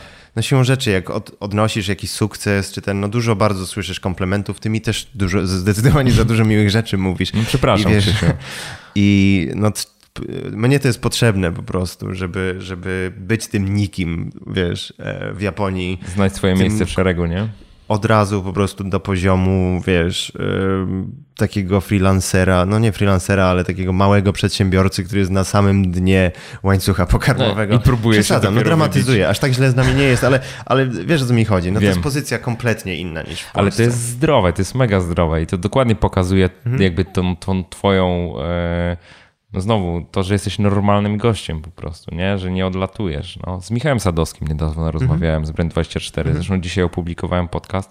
Wiesz, no też przykład takiego gościa, który doskonale rozumie, jak ta rzeczywistość wygląda. Ale dlaczego? Przyznał się, dlatego że on bezpośredni kontakt z klientami ma. Tak? Mm -hmm. I przez tą swoją markę osobistą akurat u niego tak to -hmm. działa, że każdy klient Brand24 do niego pierwszego puka, nie? Mm. Więc jakby. No tak. No ale nie, mówi, że stara się nie odsyłać właśnie po to, żeby wiesz, -hmm. rozumieć, gdzie są te y, okay. problemy, czy challenge, czy cokolwiek. Dobra, a propos, wrócimy. A propos Michała Sadowskiego, to jest y, zabawne, bo ja jestem mega fanem jego profilu na Instagramie. Jak się tak, mhm. ten, on takie piękne piękne zdjęcia robi. Dla mnie o, to jest, tak. W sensie ten koleś, który prowadzi jakiś, wiesz, mega wielki biznes. Michał, robi... Michał, słyszałeś? Mega piękne zdjęcia robisz, mówi Krzysiek. No ale on robi, wiesz, dużo ładniejsze rzeczy niż ja, a w sensie, a to nie jest jego obszar, to, tak. to jest niby mój obszar, to ja mam ładne rzeczy robić, a to koleś, który robi jakąś, wiesz, jego rzeczą jest personal brand, w ogóle e, marka, przedsiębiorstwo, to, wiesz, to zawstydza mnie, to, no. to jest upokarzające po prostu. To pomyśl sobie, Krzysiek... Ja, ja ale nie? Wyluzuj Michał? Pomyśl sobie, w jakie on mnie, mnie kompleksy wpędza po prostu. Mm. Ja mówię, żebym tysiąc zdjęć pstryknął, to po prostu nawet jednego takiego nie będzie. No. jest takie, no... No, tak to jest niestety. E, czyli tak, firma w Japonii, jakbyś jeszcze powiedział trochę na temat tego, jakiego typu wy rzeczywiście produkcję robicie dla klientów, bo znamy cię z YouTube'a, wiemy co robisz na YouTubie, ale pewnie to, co robisz dla klientów jest zupełnie inne. Tak, znaczy, czy zupełnie, no jest dużo bardziej e, takie sformalizowane. No, korporacyjne. W sensie, takie korporacyjne. No, robimy wideo korporacyjne, takie wiesz, wizytówki filmowe różnych firm, mini dokumenty, e, takie na zasadzie, że jakaś firma e, chce sobie, chce jakąś tam ciekawą historię opowiedzieć taką metodą content marketingu tak zwaną, czyli coś mm -hmm, jakiś tam mm -hmm. zrobić coś ciekawego na swój temat bardziej niż reklamę. Chociaż reklamy też robimy. Dużo dość dużo mamy takich klientów niejapońskich, to znaczy firm z różnych krajów na świecie, które chcą sobie w Japonii coś zrealizować i potrzebują takich fikserów na miejscu, którzy znają specyfikę mhm. japońską, e, są w stanie obsłużyć e, wynajem sprzętu, transport i tak dalej. No w sensie takie usługi no, produkcyjne, no to po prostu jest usługa produkcyjna, ale to jest fajna branża, gdzie e, wiesz mamy tak różnorodne rzeczy. W grudniu robiliśmy na przykład tą e, reklamówkę dla linii lotniczych ANA. Mhm. To są japońskie linie lotnicze, gdzie no skala tego była niesamowita. W sensie to był, wiesz, wynajęty samolot na lotnisku, hangar ustawiony, e, całą noc, cała noc zdjęć, gdzie tam ustawialiśmy jakieś oświetlenia, w ogóle przypinając światła do okna samolotu. Wiesz, w ogóle ja nigdy nie byłem w samolocie jakby nie jako pasażer, tylko wiesz, coś tam dłubać w nim, nie? I wiesz, tam Steve Aoki jest taki DJ, jeden z tam z najbardziej znanych na świecie, on też w tym filmie był, bo on jest ambasadorem tej firmy, więc tam dali nam 10 minut z nim, że tam wow. gdzieś tam skacze, nie? I takie, no to jest taki świat, no taki bardzo duży świat, nie? No i z jednej strony mamy to, z drugiej strony czasem do nas przychodzi jakiś, że jest odcinek jakiegoś serialu Netflixa, który częściowo ma być kręcony w Japonii. Potrzebują y, tam paru osób z ekipy, castingu, coś tam, coś tam, coś tam, -hmm. lokacji. Takie usługi, wiesz. Super. no to jest w branży filmowej no, bardzo normalne, że się korzysta z takich lokalnych podwykonawców, bo trudno jest się nauczyć różnych krajów jako Specyfiki. Wiesz, no, mhm. jeszcze Japonia jest bardzo specyficzna, no bo to jest. Um, firmy sobie nie zdają sprawy często, e, jakie są trudności. Na przykład kwestia wielkości sprzętu, wielkości grupy produkcyjnej, mhm. ekipy w sensie. To są w Japonii bardzo ważne czynniki, bo w Japonii jest mało miejsca. To jest, wiem, że to jest stereotyp, bo ludzie sobie myślą, o, hotele kapsułowe, to jest mało miejsca, że Japończycy śpią w jakichś w ogóle takich tych. No, to, to, ten stereotyp jest prawdą w tym sensie, że tam jest fizycznie mniej miejsca niż w chyba jakimkolwiek innym kraju na świecie, jeśli mówimy o centrum Tokio i jeśli zamierzasz tam wejść z 15-osobową ekipą filmową, to prawdopodobnie to się nie uda. Mhm. Musisz wymyślić coś innego. Czyli trzeba umieć nie tylko się poruszać, ale też znać rzeczywiście, znaczy umieć się poruszać w małych grupach. No. Tak, tak, tak. No i te no, różne są takie wyzwania, które jako firma taka lokalna są dla ciebie naturalne, a trzeba je klientom tłumaczyć. No to jest fajne, bo to jakby czuję, że ta wiedza, którą nabyliśmy przez lata, że ona, ona ma wartość. Mm -hmm, w sensie tak tłumacząc te rzeczy, czuję, że, że mówię naprawdę ciekawe rzeczy komuś. Wiesz, no. Z Polski też takich klientów mamy. Z Polski w sensie korporacyjnych klientów, tak? E, w sensie firmy, które na przykład, no, pracowaliśmy z Komarchem, jak Komarch otwierał biuro okay. E, w Tokio, to produkowaliśmy tam dla nich. A, czyli tam produkujecie dla tak, tak polskich tak, firm. No mhm. wiesz, no polskie firmy jakoś przez tą naszą społeczność YouTube'ową, no to tak ludzie kojarzą, a Japonia, to może Gąciarz coś zrobi, nie? E, z ambasadą współpracujemy czasem. Mhm. Robią taki na przykład festiwal. Raz w roku jest w Tokio taki festiwal polskiej kultury e, w Roppongi, gdzie są jakieś tam występy i tak dalej. No to też zazwyczaj robimy promocję było, chyba tego. się pojawiało nawet we vlogach. No nie? było we vlogu, ale też robiliśmy dla nich taki e, film promocyjny tego, Super. więc no to jest tak Polaków w Japonii jest bardzo mało. Mówi się, że jest około tysiąca osób. Chociaż to są, to jest do pewnego stopnia niemierzalne, no bo ambasada nie ma dokładnych liczb, no bo nie mhm. ma obowiązku powiedzieć w ambasadzie, ej, jestem. E, chyba nie, nie wiem, no ale mnie załóżmy, załóżmy. Załóżmy. E, więc e, no akurat na tej linii Polska-Japonia, no to udało nam się dość szybko stać się takim domyślnym wykonawcą takich rzeczy. No, tak. To czasem to karykaturalne rozmiary przy, no, przy, przybiera, bo ludzie też do mnie piszą, już nie firmy, ale ludzie z prośbami o różne takie przysługi na zasadzie, ej, bo wyjeżdżam za pół roku do Tokio i chcę wysłać tam swój saksofon, czy mogę go wysłać na twój adres, bo jesteś jedyną osobą w Japonii, którą znam. Nie, nie znam cię, nie wiem kim jesteś. Myślisz, że po co ja cię tyle razy zapraszam, nie? Kiedy się chcę tam wybrać, nie?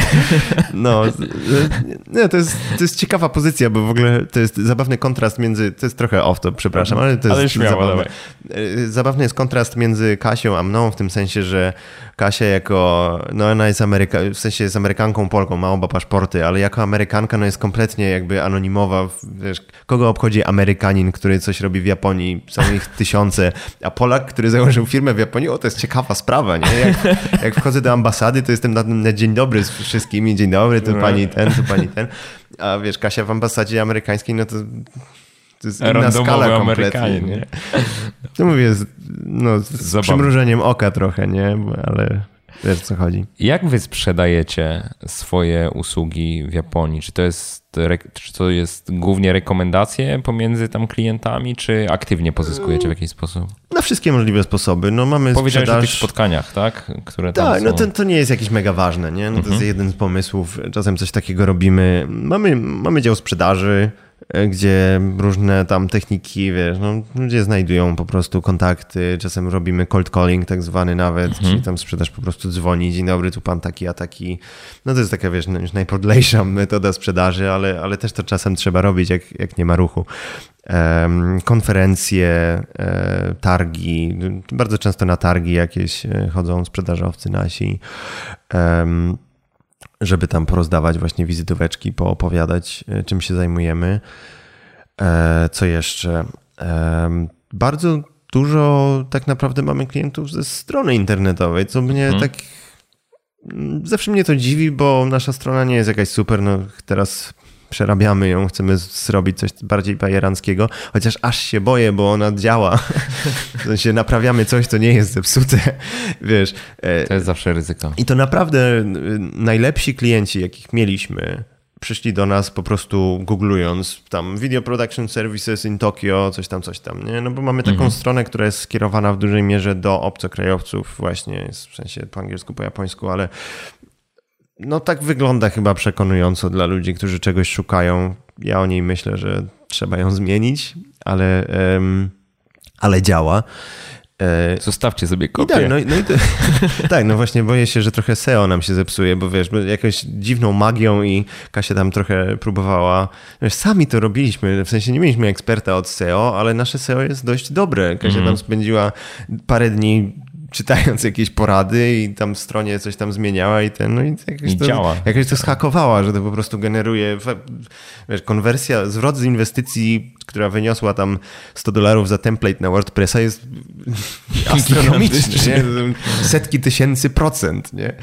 E no, więc, więc to jest chyba najważniejsze, no, strona internetowa. W sumie nie powiedzieliśmy, jak, jak duże są te twoje firmy. To znaczy, yy, podajesz przychody? Możesz podać przychody twoich firm? E, no w Japonii to, japońskiej nie. Japońskiej, japońskiej bym w to nie włączał. Dobra, no, to zaraz Pols... porozmawiamy o polskiej, Aha. ale to powiedz przynajmniej o tej japońskiej, jak wiele osób e, tam w tej chwili współpracuje? E, mamy pięć osób w tym momencie na stałe. Rolę potrafisz powiedzieć tych osób? W sensie ile osób sprzedaży, ile osób inne aktywności? Czy to jest wiesz, tak, że każdy, każdy, robi, każdy robi trochę, każdy robi wszystko? Każdy parę funkcji spełnia, no bo to jest okay, wiesz, taki okay, etap firmy, gdzie no, jakby nie mamy możliwości zbytniej specjalizacji, nie? Mm -hmm, mm -hmm. Jesteśmy, wiesz, no my tam istniejemy te trzy lata, ale to tak, to się wszystko rozkręca jeszcze. To, to, mm, to nie jest jakieś imperium tam, co mamy.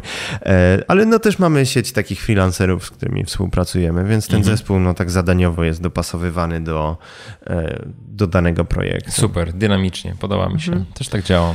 No my też dużo bardzo pracujemy pomiędzy Polską a Japonią, w tym sensie, że nasz polski zespół również pracuje dla tej japońskiej firmy. To mhm. znaczy wszystko to, co się da robić w Polsce, to staramy się robić w Polsce. No, w sensie, jak mamy film do zrealizowania, bardzo często montaż, postprodukcja, dźwięk, e, dużo rzeczy jest robionych w Polsce mhm. przez ten sam zespół, który odpowiada za nasze produkcje e, YouTube'owe. Podsumujmy. E, tak, te, tam mamy pięciu pracowników w Japonii. To w takim razie w Polsce ile osób współpracuje? Liczenie, liczenie, powinienem to mieć, liczenie. Powinienem to mieć tak na strzał, nie? Nie, Ale niekoniecznie. No z 13, 14. Wiem, że to jest taka dziwna odpowiedź, ale nie, to, to dobra nie był pewny jednej osoby, ale no, ten rząd wielkości. To jest sporo. To już taka solidna, hmm. mała firma. No tak. Solidna, bardzo solidna. No. no proszę, panie Krzysztofie, no to dobrze. To y, powiedziałeś o Japonii, nie mówię tam, nie chcę ujawniać i tak dalej, ale powiedz w takim razie, jak przychody w Polsce wyglądają. Bo rozumiem, że w tym jest wszystko, tak? W sensie i twoja działalność YouTube'owa i, e, mhm. i produkcja dla klientów. No, przez ostatni rok mieliśmy obroty rzędu jakieś półtora miliona złotych. Elegancko. Mm. Elegancko. E, osoby, które z Tobą współpracują, e, ja rozumiem, że stopniowo rosłeś, ale kiedy jakby był ten pierwszy moment, że miałeś pierwszego współpracownika? Pamiętasz to? Um, tu muszę jakby odpowiedzieć dwojako, bo żeby się nikt nie obraził, nie? Dobra. E, jakby pierwszą osobą taką na stałe, która ze mną pracowała była Melka, która obsługiwała sklep, ale to były takie trochę jeszcze czasy prehistoryczne. Sklep internetowy. Sklep internetowy, ale to taki, myślę, że już nikt nie pamięta z tych ludzi, którzy teraz, teraz słuchają, o co tam chodziło. No takie koszulki, nie te, co wszyscy znają, że jeszcze, jeszcze do, może do tego dojdziemy dojdziemy, kiedyś. a dojdziemy, to jest ciekawe. No, ale nie, nie, nie to, tylko jeszcze takie koszulki tam z Zapytaj Beczkę, takie motywy jakieś śmieszne. E, no, ale to, to tak sobie funkcjonowało w tle, natomiast dla mnie tak symboliczną, pierwszą osobą, która otworzyła nową erę jest Iza, e, Iza Wojciechowska, która jakby została przeze mnie zrekrutowana jako, ja to nazywałem asystentka, bo sam nie wiedziałem, mhm. czym się ta osoba ma zajmować. Zaczęło się od publikacji na YouTubie, bo chciałem odpalić daily vlogi i chciałem, żeby ktoś fizycznie za mnie obsługiwał publikacje filmów. Mhm. E, przez lata okazało się, że Iza ma mega zmysł taki organizacyjno-produkcyjny i teraz jest taką centralną osobą, przez którą masakrycznie dużo rzeczy przechodzi zawsze mam problem z tym, jak ją nazwać, jej stanowisko, bo ona jest trochę producentką, trochę wydawcą. Dyrektor do e, spraw dyrektorem produkcji. produkcji no. Dyrektor administracyjny. No coś, coś znaczy administracyjny. Mm, Nie wiadomo. Bardziej, bardziej, produkcja, bardziej ta sfera e, taka, wiesz. No, więc to było um, dwa lata temu około. Mhm. Jakieś dwa lata temu. I co, kolejne osoby y, y, to jest taka lawina, że to ruszyło już po izie tak migusiem, czy... Nie, nie, to się zaczynało powoli. No dla mnie z racji specyfiki tego, czym się zajmuję, na bardzo przełomowym momentem był montaż. To tak. znaczy ja e, przez wiele lat swojej działalności w internecie wszystko montowałem sam i tak no, oceniając swoje skille uważam, że montażystą jestem w miarę niezłym mhm. E, i szybkim. To jest dla mnie ważne, że potrafię szybko montować. E, więc no i ta społeczność widzów, którą miałem wówczas, ona to było oczywiste dla nich, że ja to wszystko robię sam. Mhm. I ten moment, w którym nagle ktoś inny montuje, to jest takie, wiesz, jakbyś wyciągnął duszę z tego wszystkiego. Znaczy taki jest, takie jest powierzchowne myślenie na ten temat, że to jest, to był ryzykowny moment. E, pierwszą, pierwszym montażystą był Szymon, Szymon Liber, z którym jeszcze współpracowałem wcześniej w mojej poprzedniej pracy w gry online. E, więc znaliśmy się tak no, profesjonalnie od jeszcze tam z innej, z innej firmy, z innej działalności. E, ale zaczęliśmy w ogóle w ten sposób i tak się dogadaliśmy, e, jakby wszyscy byli z tym ok, że zrobimy to po cichu. To znaczy, jego odcinki nie były podpisywane jako, że coś tam innego Nadal miało miejsce. wszyscy myśleli, że to ty montujesz po prostu. Tak, tak. I tak przez pewien czas, już nie pamiętam ile to było. No bo też to nie było tak, że wiesz, od pewnego dnia on zaczął montować 100% filmów, to tak wiesz, no, Co któryś film jeden pewnie. na trzy, potem mhm. jeden na dwa, potem przez tydzień nic. No tak po prostu no, Stopniowo. w zależności od tam dyspozycyjności i tego, kto miał czas, albo robiłem to ja, albo on. Um, Potem doszły kolejne osoby, w pewnym momencie było, były trzy osoby, cztery, no teraz jest sześć. E, no i w pewnym momencie, bodajże przy stanie trzech osób, uznaliśmy, dobra, to jest ten moment, w którym już mówimy, że od tam dwóch miesięcy tak naprawdę praktycznie wszystko jest montowane przez innych ludzi. Już postawiliśmy, postawiliśmy ludzi przed faktem dokonanym, w sensie, wiesz, to nie było, o dzisiaj ocencie montaż nowego człowieka, bo to wiadomo, że to by było tak. negatywnie oceniane, tak, bo tak, ludzie, tak, wiesz, nie, tak. nie oglądaliby tego filmu tak jak normalnie oglądają, tylko chcieliby się przypierdolić do czegoś. A zawsze znajdziesz coś, żeby, wiesz, żeby się przyczaić. No to dzisiaj to, ten flow tego, no czuć, że to inne, nie? Na pewno by było tak. A tak powiedzieliśmy, słuchajcie, od dwóch miesięcy oglądaliście filmy, które są montowane przez trzy osoby. E, I ja jestem tą czwartą. I wszyscy, o, spoko, nie? W sensie nikt nic nie zauważył.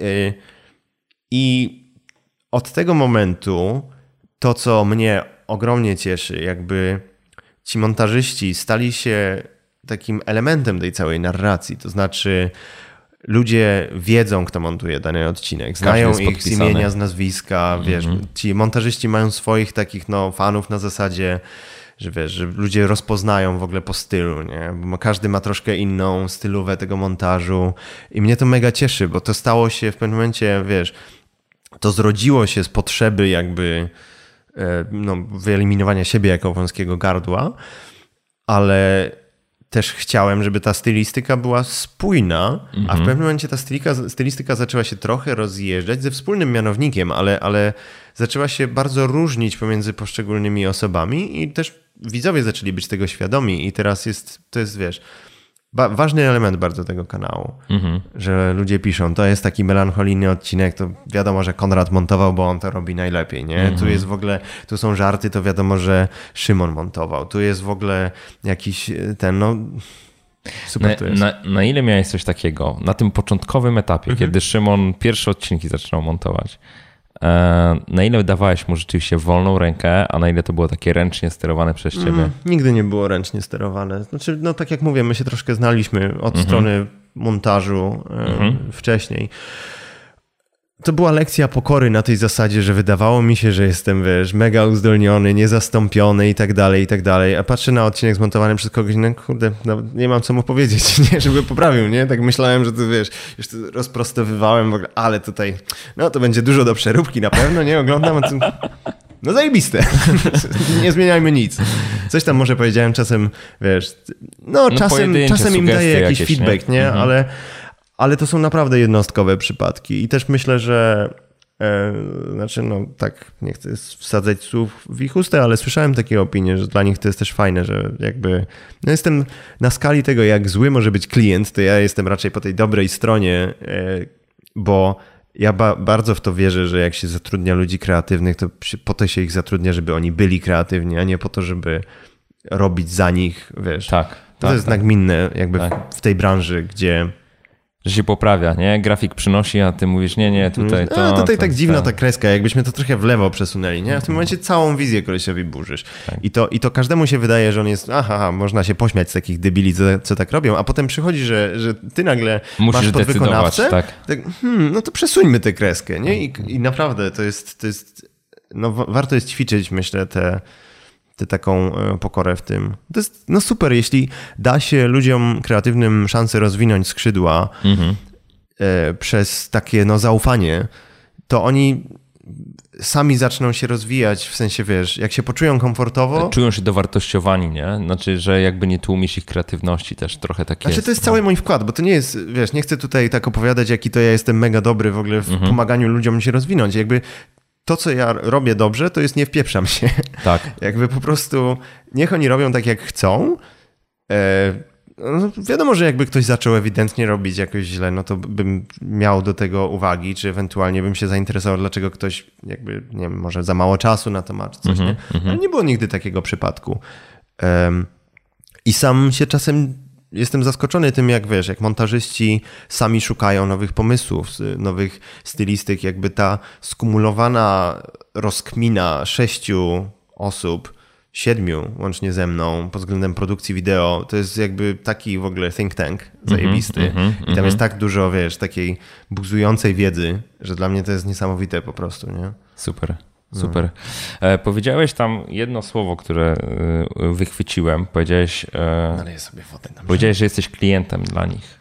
Tak? Dobrze zrozumiałem? E, tak powiedziałem, bo, bo wczoraj jakby ktoś użył tego sformułowania. Okej, okej. E, Ale z, pracujesz ja, ja, z kontraktorami? Ja tam, ja tam, ja głównie? chcę wierzyć jakby w to, że to jest taka bliższa relacja niż, niż Jasne. po prostu klient i, i podwykonawca, bo ja bym ich nigdy nie nazwał podwykonawcą, bo to jest takie no, bardzo formalne, nie? No to Tak. są moi koledzy wszystko, w sensie bardzo ich lubię, bardzo szanuję i to jest no, mega fajne, że pracują ze mną. Super, super, dobra. Powiedz jeszcze, ile wy dzisiaj e, tygodniowo czy miesięcznie ogarniacie tych waszych produkcji? Ile to jest filmów w ogóle? Jak dużo jest tej pracy?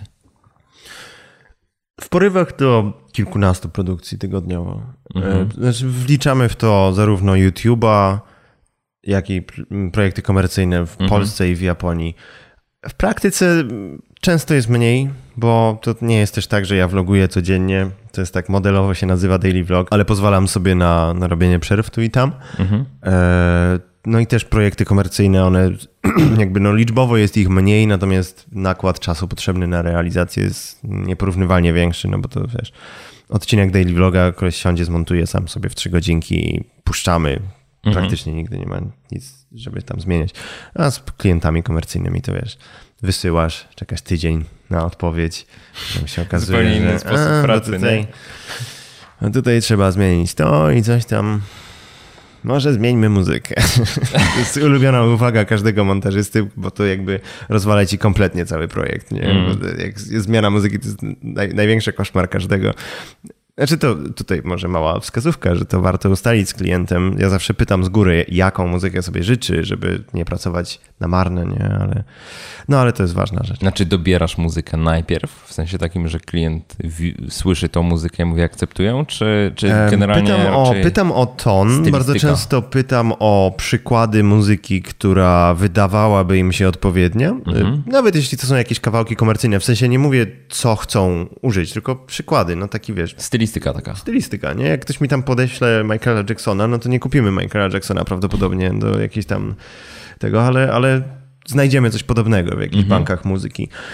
E, no w ten sposób. Czasem, czasami e, są też takie przypadki, że ja ewidentnie czuję, że coś mi w głowie klika i tak wolę tego nie psuć, bo w sensie wysyłając komuś, bo wiem, że ktoś może. Wiesz, e, klienci też nie zawsze mają wyobraźnię do takich rzeczy. Znaczy, w sensie, to jest tak jak u mnie, nie? że ja lubię zobaczyć gotowy, y, w, gotowy Tak, materiał tak, i wtedy tak. mogę skrytykować ewentualnie, powiedzieć, nie, tutaj mi się nie podoba. Tak, nie? no więc to jest taka cienka linia, po której trzeba się nauczyć mm, poruszać, jak się robi takie rzeczy kreatywne dla klientów. No, na ile jesteś w stanie konsultować poszczególne kroki, a na ile po prostu chcesz dać im finalny produkt i zobaczyć, że są zachwyceni. To jest no, jakaś tam kwestia wyczucia danej osoby może. Więc czasem są takie przypadki, że po prostu montuję tak, jak ja czuję i nie chcę tego spoilować, bo wiem, że jak wyślę komuś link do muzyki, to on powie, e, nie do końca o to nam chodzi, ale jak zobaczą to razem, po wszystko połączone, to zobaczą, że to działa.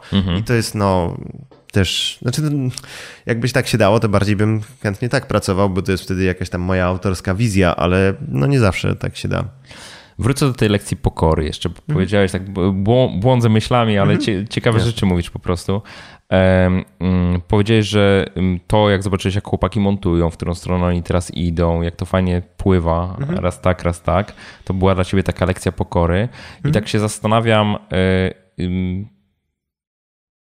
czy ty, czym ty się kierujesz dzisiaj, zatrudniając kolejnych pracowników? Czy szukasz osób, które rzeczywiście są taką, dają ci dobrą lekcję pokory, w sensie są lepsze już od ciebie, czy raczej szukasz takich osób, które dopiero można przyuczyć, a widzisz w nich jakiś potencjał? Hmm. Myślę, że w tym moim zespole jest.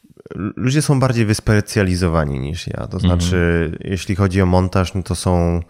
Część naszego zespołu jest po szkole filmowej, e, są formalnie wykształceni, mają magistra montażu i tak dalej. No ja nigdy nie miałem edukacji filmowej, więc z tym trudno jest mi dyskutować.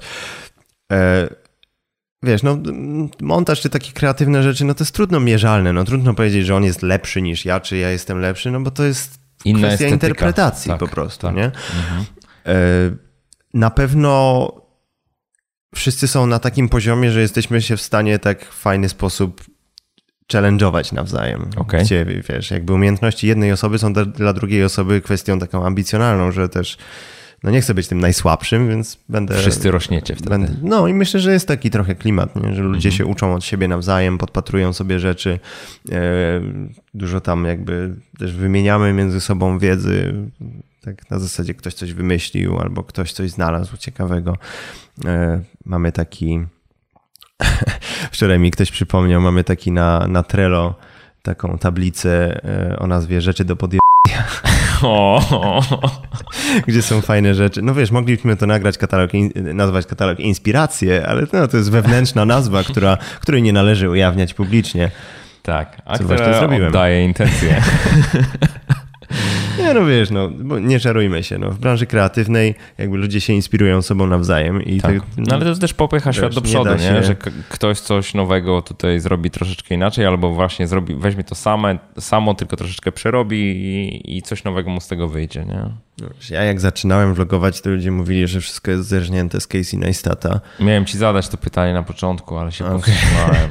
Tak. a teraz mi się wydaje, że nikt, tak- nikt tak nie mówi, bo my stworzyliśmy jakiś swój własny kierunek tego wszystkiego i to jest bardzo inne niż to, co on robi w tym momencie. On poszedł w inną stronę, też się rozwinął i no teraz już nie Inaczej wiem, no, działa. Jak, No ale widzisz, to znowu miałem ci nie słodzić i nie, nie cukrzyć, a prawda jest taka, że rzeczywiście warsztatowo wydaje mi się, y, że jesteście, inaczej organizacyjnie przede wszystkim, to jesteś daleko dalej niż Casey, tak? który się niedawno przyznał w swoim vlogu, że o, teraz będzie miał już drugiego kolegę i tak naprawdę nie będzie musiał montować wszystkiego sam. Mm. Nie? No to Mhm. tak oglądałem i tak sobie mówię, no fajnie, no to Krzysiek już parę lat przed tobą, nie? No tak jest. No, tak no nie wiem, czy Krzysiu. przed, no obok, w sensie E, inną obok, drogą idziemy. Obok, tak, ale no jakby infrastrukturę już sobie zdążyłeś zbudować. No tak, no no i to- to, to, jest, to jest właśnie fajne, tak, bo e, ja nawet patrząc na moją działalność, to mówię sobie, ok, jestem tym soloprenerem i takim w zasadzie, no niektóre rzeczy, na przykład montaż tych odcinków e, jak najbardziej e, inne osoby dla mnie robią, ale e, tak naprawdę no większość rzeczy robię sam, nie? I teraz to odklejenie się od takiej korowej działalności, tak jak w twoim przypadku montaż, no to jest coś takiego, co wymaga, myślę, dużego zaufania, to dobrze powiedziałeś, z jednej strony, a z drugiej strony to jest trochę akt odwagi, no, co by nie mówić. No plus też to, to nie jest wcale powiedziane, że to będzie dobre, jeśli Tak. to zrobisz. W sensie Tak. mnie się akurat udało, bo trafiłem na dobrych ludzi, jakby to, to zagrało w tym przypadku, ale to wiesz, lekcja, która z tego płynie, to nie jest outsour- tak, outsourcu tak, i to tak. nie, wiesz, to, Absolutnie. nie da się tego tak uprościć. No, w sensie, no to zadziałało w tym przypadku. Może więcej w tym jest fuksa niż rozumu, ale, ale wiesz. Nie mamy recept, widzę, nie mamy. No nie, no to. Ale to, powiedz, wiesz, y, wrócę do tego rekrutowania, bo no jednak kryty- jakimiś kryteriami się kierujesz, zatrudniając kolejnego montażystę. I jak to wygląda? Wiesz co, ja praktycznie w ogóle nie patrzę na. Znaczy patrzę tak, rzu- rzucę okiem na czyjeś doświadczenie, czy ten, ale to nic mi to nie mówi. W sensie, że ktoś tam montował jakieś tam filmy dla. Problem jest trochę w Polsce taki, czy w Polsce, w ogóle chyba w tej branży, że ludzie nie mają fajnych projektów, którymi mogą się pochwalić, bo są montażystami i montują jakieś hałtury z konferencji. To są takie, wiesz, gówniane wideo, których nie da się Sztampa, tego oglądać. No, w sensie, po prostu.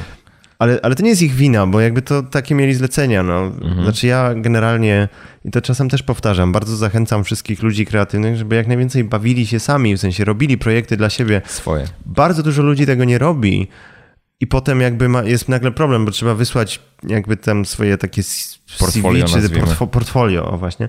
Em, i nagle masz same takie, wiesz, jakieś nudy zrobione dla klientów. No czemu po prostu nie weźmiesz kamery, nie nagrasz czegoś fajnego, e, co, co opowie, kim jesteś, bardziej Mhm. niż jakiś tam projekt. Że...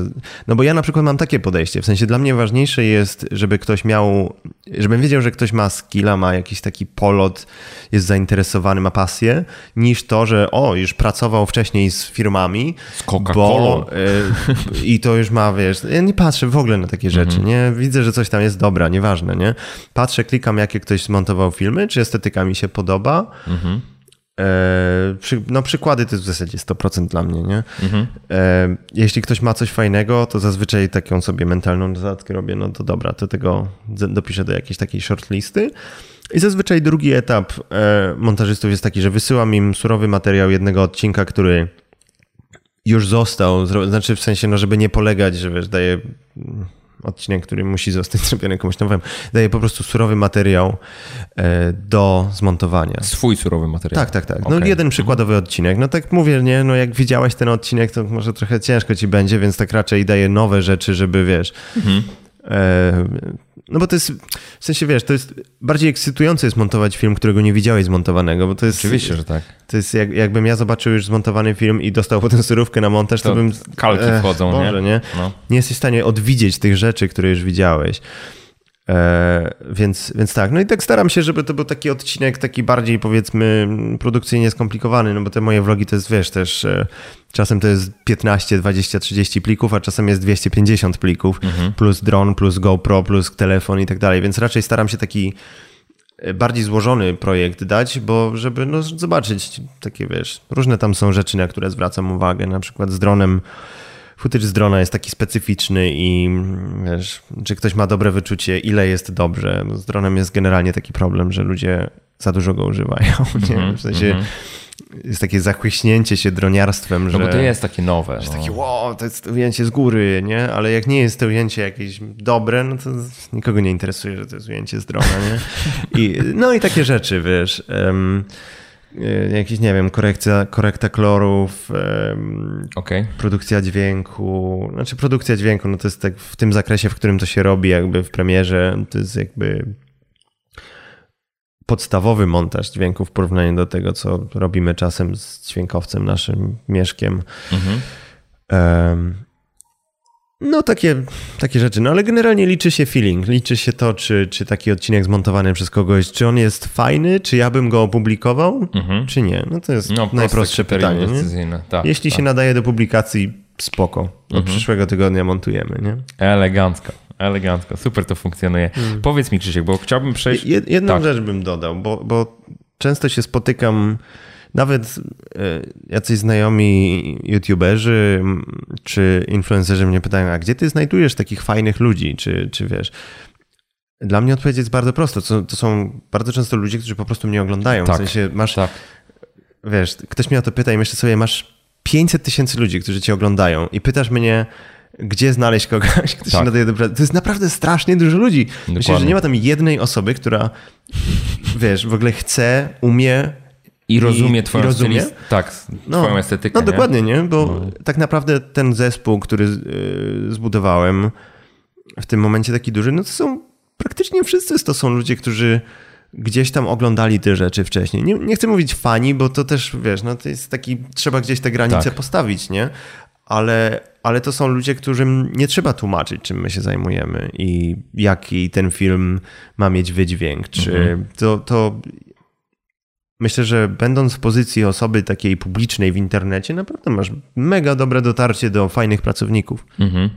I to tak jest, bo y, ja nawet jak ja się zastanawiam, y, która z osób, z którą współpracuję, to była osoba w jakiś aktywny sposób przeze mnie pozyskana, to ani jednej nie ma. W tym sensie, że ja nie szukałem pracowników, pracownicy sami mnie znaleźli, nie? No. No i tak to działa. Także uwierzyć, że tak się da, no po prostu, nic więcej. Chcę przejść, Krzysiek, do tej Twojej działalności komercyjnej tutaj w Polsce i trochę powiedzieć o kulisach tego, co się dzieje z tyłu Twoich filmów, które mhm. są robione we współpracy z markami. Mhm. E, jak to się dzieje, że, że do takich produkcji dochodzi? Od tego momentu, w którym powstaje pomysł, bez względu na to, z której strony on powstaje, bo pewnie część pomysłów powstaje u ciebie, mhm. część pomysłów pewnie powstaje gdzieś tam po stronie firm co się dzieje do momentu, kiedy ten film jest? Jakbyśmy mogli tak przejść po kolei.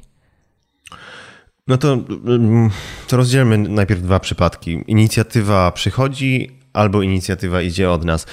Ten drugi przypadek, inicjatywa idąca od nas, jest dużo rzadszy. Mhm. I to jest niestety problem w tej branży, że ta komunikacja, ta, ten ciąg kreatywny jest bardzo jednostronny. Są wyjątki, ale generalnie youtuberzy bardzo rzadko mają możliwość zaproponowania czegoś od siebie i, i firmy na to zareagują. Bardziej to wszystko jest takie, takie e, proaktywne od strony, strony klientów firm. i agencji. Znaczy ciąg jest taki, że wiesz, klient daje budżet agencji, agencja rozpisuje brief, e, jakby, no to jest takie, mm, znaczy nie chcę narzekać, bo oczywiście rodzą się w ten sposób też bardzo fajne rzeczy, ale nie ma, tak jakby nie istniała procedura, w której youtuber przychodzi, słuchajcie, mam mega dobry pomysł na promocję waszego laptopa, e, tylko tu jest budżet, tu jest pomysł, nie? Zróbmy to. No ale to czy poczekaj, mm. to się spauzuje, to challenge'uje cię trochę. To nie jest trochę tak, mm -hmm. że mhm. po prostu zbyt mało youtuberów wychodzi z tymi propozycjami? Być może ty zbyt rzadko wychodzisz z tymi propozycjami do firmy. Mm, wiesz co, ja, ja wychodzę regularnie i mhm. jakby widzę, jaki jest success rate tego okay. i, i, nie jest za duży. Nie? Czasem, czasem się udaje. pieniądz po prostu. Czasem się udaje, ale jakby no w tej sytuacji, w której jesteśmy teraz, no ja teraz mam te swoje takie 5 minut, nie ukrywam, mhm. jeśli chodzi o takie placementy na YouTubie i to no, nie jest nam potrzebne po prostu. Znaczy mamy więcej jakby, mamy ten komfort wybierania klientów, gdzie E, mamy więcej ofert niż jesteśmy w stanie pomieścić na kanale, no bo też mhm. nie można dopuścić do sytuacji, gdzie co drugi film jest Oczywiście. jakiś sponsorowany. E, więc to jest czasem no nie warte tego wysiłku dodatkowego, którym jest e, przekonywanie kogoś, no bo to jest też ryzyko na tej zasadzie, że wiesz, jeśli ktoś ci powie nie, nie ma opcji, spoko, ale to często są tygodnie tak, prób, tak. prób i poganiania i czasem jeszcze gdzieś. spotkanie i drugie spotkanie i dopiero potem się dowiadujesz, że nic z tego i to jest, to jest koszt. Nie? Mhm. E, więc więc to, to się zdarza rzadko, ale, ale zdarza się i to w przypadku znaczy, to się zdarza, że kończy się sukcesem, ale raczej w przypadku firm takich, z którymi już mamy stałą, zbudowaną relację. Okay. Takich, wiesz, Samsung, New Balance na przykład. To są mhm. takie firmy, z którymi ja regularnie pracuję i tam już tak się znamy bardziej i wiemy, że e, no mamy dobrą historię współpracy i wiesz. Jest, Mogą ci zaufać, ty ufasz im i są no, w stanie, że tak powiem, no. wejść w jakiś pomysł, który ty zaproponujesz po prostu. No, tak. Mhm. I, I to w takich przypadkach tak. No raczej e, takie na zasadzie, czy mamy namiar do kogoś z firmy takiej a takiej, bo mam taki pomysł. Czasem próbujemy, ale to rzadko, to, działa. to rzadko działa. Szkoda, nie? Znaczy nie mówię o sobie, bo, bo ja akurat, tak jak mówię, no poradzę sobie, ale, ale tak szkoda, bo, e, bo więcej fajnych sponsorowanych akcji by było, gdyby firmy bardziej się otwierały na, na mhm. właśnie tę komunikację taką oddolną, jeśli chodzi o influencerów. To ten drugi kierunek, omówmy w takim um, razie. Kierunek... przychodzi, mhm. przychodzi um, zapytanie, rozumiem, poprzez mhm. jakąś mhm. agencję wysłane, mhm. jakiś brief, brief, czyli coś, co definiuje, czego by klient oczekiwał od was. Tak. Pewnie różnej jakości te briefy przychodzą, jak, jak no, wiemy. No to bardzo często ten pierwszy kontakt to jest takie bardzo ogólne zapytanie, zapytanie. nawet czasem bez mówienia, jaka to jest firma. Tam wiesz, mamy klienta z branży stomatologicznej czy takie coś wchodzi w grę. Odpisujesz, że okej, okay, nie mam nic przeciwko branży stomatologicznej. I, no i w, znaczy, ja się tym nie zajmuję osobiście. Mhm. Powiedz, um, jak to wygląda właśnie. Kto się tym zajmuje? Mamy kilka skrzynek, no bo też ludzie z agencji nie zawsze wiedzą, gdzie wysłać maila. Przepraszam, że to mówię, ale w różne miejsca jakby trafiają takie oferty. Trzeba Mnie jest czasem przykro, bo czasem autentycznie na przykład fajna propozycja współpracy ląduje jakaś wiadomość, na fanpage'u moim na Facebooku, gdzie jakby to ginie między jakimś tam pytaniem, Krzysiu, lubisz masło i ten. Takie, jest przykro, bo to czasem znajduję po paru tygodniach coś takiego, myślę sobie, Boże, nie? Fajny projekt mógł być. Y, a, a Okej, okay, no bo też my jakby, żeby nie było, że jesteśmy nieprofesjonalni i prze, przeoczamy wiadomości, wszystko jest czytane i wszystko jest ten, no ale czasem zdarzy się, że ktoś po prostu nie wyłapie czegoś albo przeoczy zapomni, y, bo, bo no wszystko jest czytane, nie? Co, co jest do mnie przysyłane. Y, muszę krok krok się cofnąć, czyli dostajemy maila z jakimś tam zapytaniem, on przychodzi czasem do mnie bezpośrednio, czasem do Ilony, Ewy. Ilona i Ewa to są takie nasze dwie producentki. Ja zawsze mam problem z nazywaniem stanowisk ludzi, no bo to jest też, wiesz, no... Project ja managerzy, czort wie, no mała firma, Ja najchętniej wszystkich robią. bym nazywał przyjaciółmi po prostu i wiesz, to bardzo to sucharowo brzmi, ale to ja tak takie mam podejście, mhm. że, że bardzo lubię ludzi, z którymi pracuję i nadawanie im etykietek formalnych jest dla mnie takie krzywdzące dla, dla relacji. nie wiem. Nie nazywajmy, nie nazywajmy. No, no, no, no ale one Ilona, się tym zajmują. Ewa, Ilona, tak? Ilona i Ewa. Mhm. E, I no one przechwytują taką komunikację, tam dopytują się o co chodzi i tak dalej. No ja też do końca nie wiem, jak ten proces wygląda, no bo, no bo one to robią, to trzeba by je zapytać. E, często dochodzi do spotkania. E, ja, ja generalnie, znaczy one ten, ta komunikacja przebiega w ten sposób, że one no, to filtrują i do mnie to sprowadzają do, do takich prostych, zero-jedynkowych decyzji i mhm. pytań o zainteresowanie, ewentualnie pomysły. Znaczy, pomysły są zazwyczaj moje, mhm. jeśli nie idą od klienta bezpośrednio, a jeśli idą od klienta, to my proponujemy interpretację, to znaczy, wiesz. Um, Mogę nawet jakiś konkretny przykład podać. Nie? Robiliśmy taki film dla firmy Topa e, kosmetycznej. E, briefem było. Czekaj, żebym nie skłamał. Hmm. Briefem było oczyszczanie, w sensie hasło oczyszczanie i y, co możemy fajnego zrobić, co będzie się z tym hasłem tej kampanii łączyć. Um, a będzie przy okazji fajnym filmem. Mhm. No i tak zaproponowaliśmy taki kierunek e, kontaktu z naturą, wyjazdu do japońskiego lasu. Zrobiliśmy taki film na temat tego, jak spędzić taki oczyszczający czas, e, relaksujący dzień, taki na zasadzie, wiesz, poradnik. Znaczy taki poradnik. Nazwanie tego poradnikiem może brzmi za poważnie. No taki film, który jak sobie obejrzysz, że ma sprawić, że tak będziesz miał ochotę spróbować tych rzeczy. Mhm. Tutaj, wiesz, medytacja jako pomysł, jakieś takie bardzo ładne to wyszło wizualnie, bo pojechaliśmy do naprawdę pięknego miejsca w Japonii pod górą Fuji, żeby to nagrać w takiego. Ten, no i wyszło bardzo fajnie, a właśnie, no widzisz, bo tutaj to, co próbuję zilustrować, to że ten brief to jest często bardzo ogólna koncepcja, tak. którą potem my ubieramy w coś konkretnego. My też, no. Um, niektórych klientów to stresuje bardzo, ale też mam taki, taką etykę pracy, że nie lubię za konkretnie rozmawiać. E, nie lubię obiecywać rzeczy bardzo konkretnych, bo ja bardzo lubię improwizację i mm -hmm, oczywiście nie każda firma się na to godzi, nie każda ten, ale najlepsze rzeczy wychodzą wtedy, kiedy dostajemy wolną rękę, tak naprawdę. Znowu zaufanie. Zaufanie, do... tak. To tak. jest dokładnie ten sam kierunek, w sensie ja dając montażystom muszę im ufać, oni ufają mnie.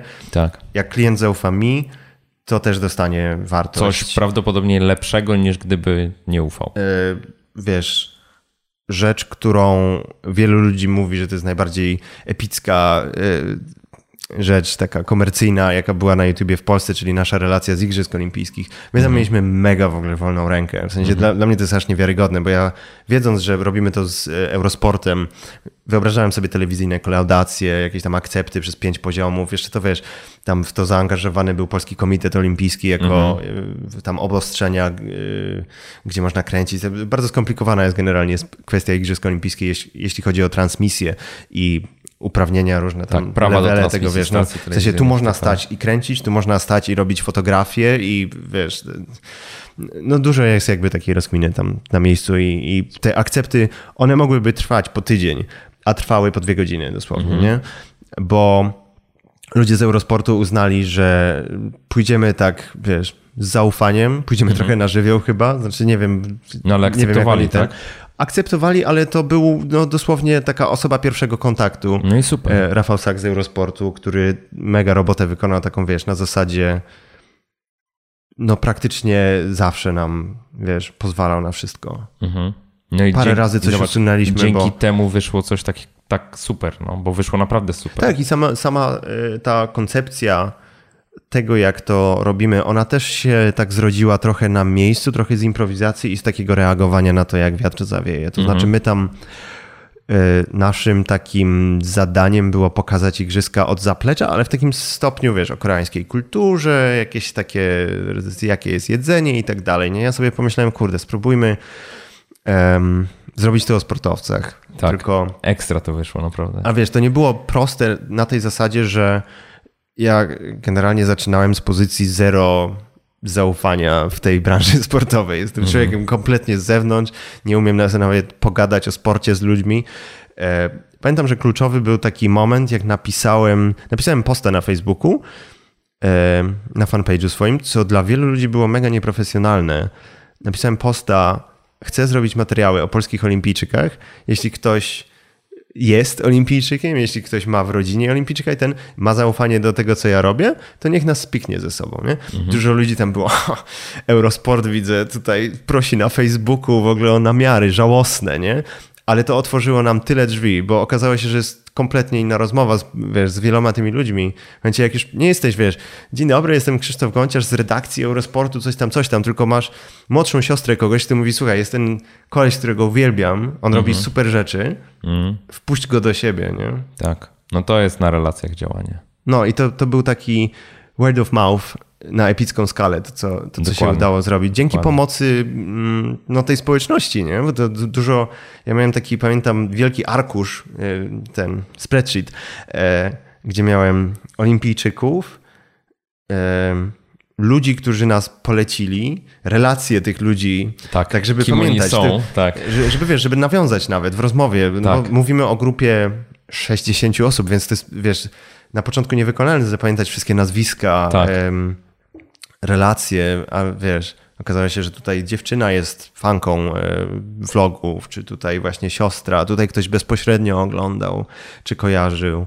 A potem jak już to zaczęło, zaczęliśmy to robić i w ten świat wchodzić, no to też olimpijczycy, oni w sensie... Oni sami się Oni sami się zaczęli nakręcać no, i, no. i jedna osoba ona mówiła trzy inne i w ogóle mhm. ten, ten. I tak nagle połowa reprezentacji w ogóle wiedziała, że my tam jesteśmy. Super, I to super. było...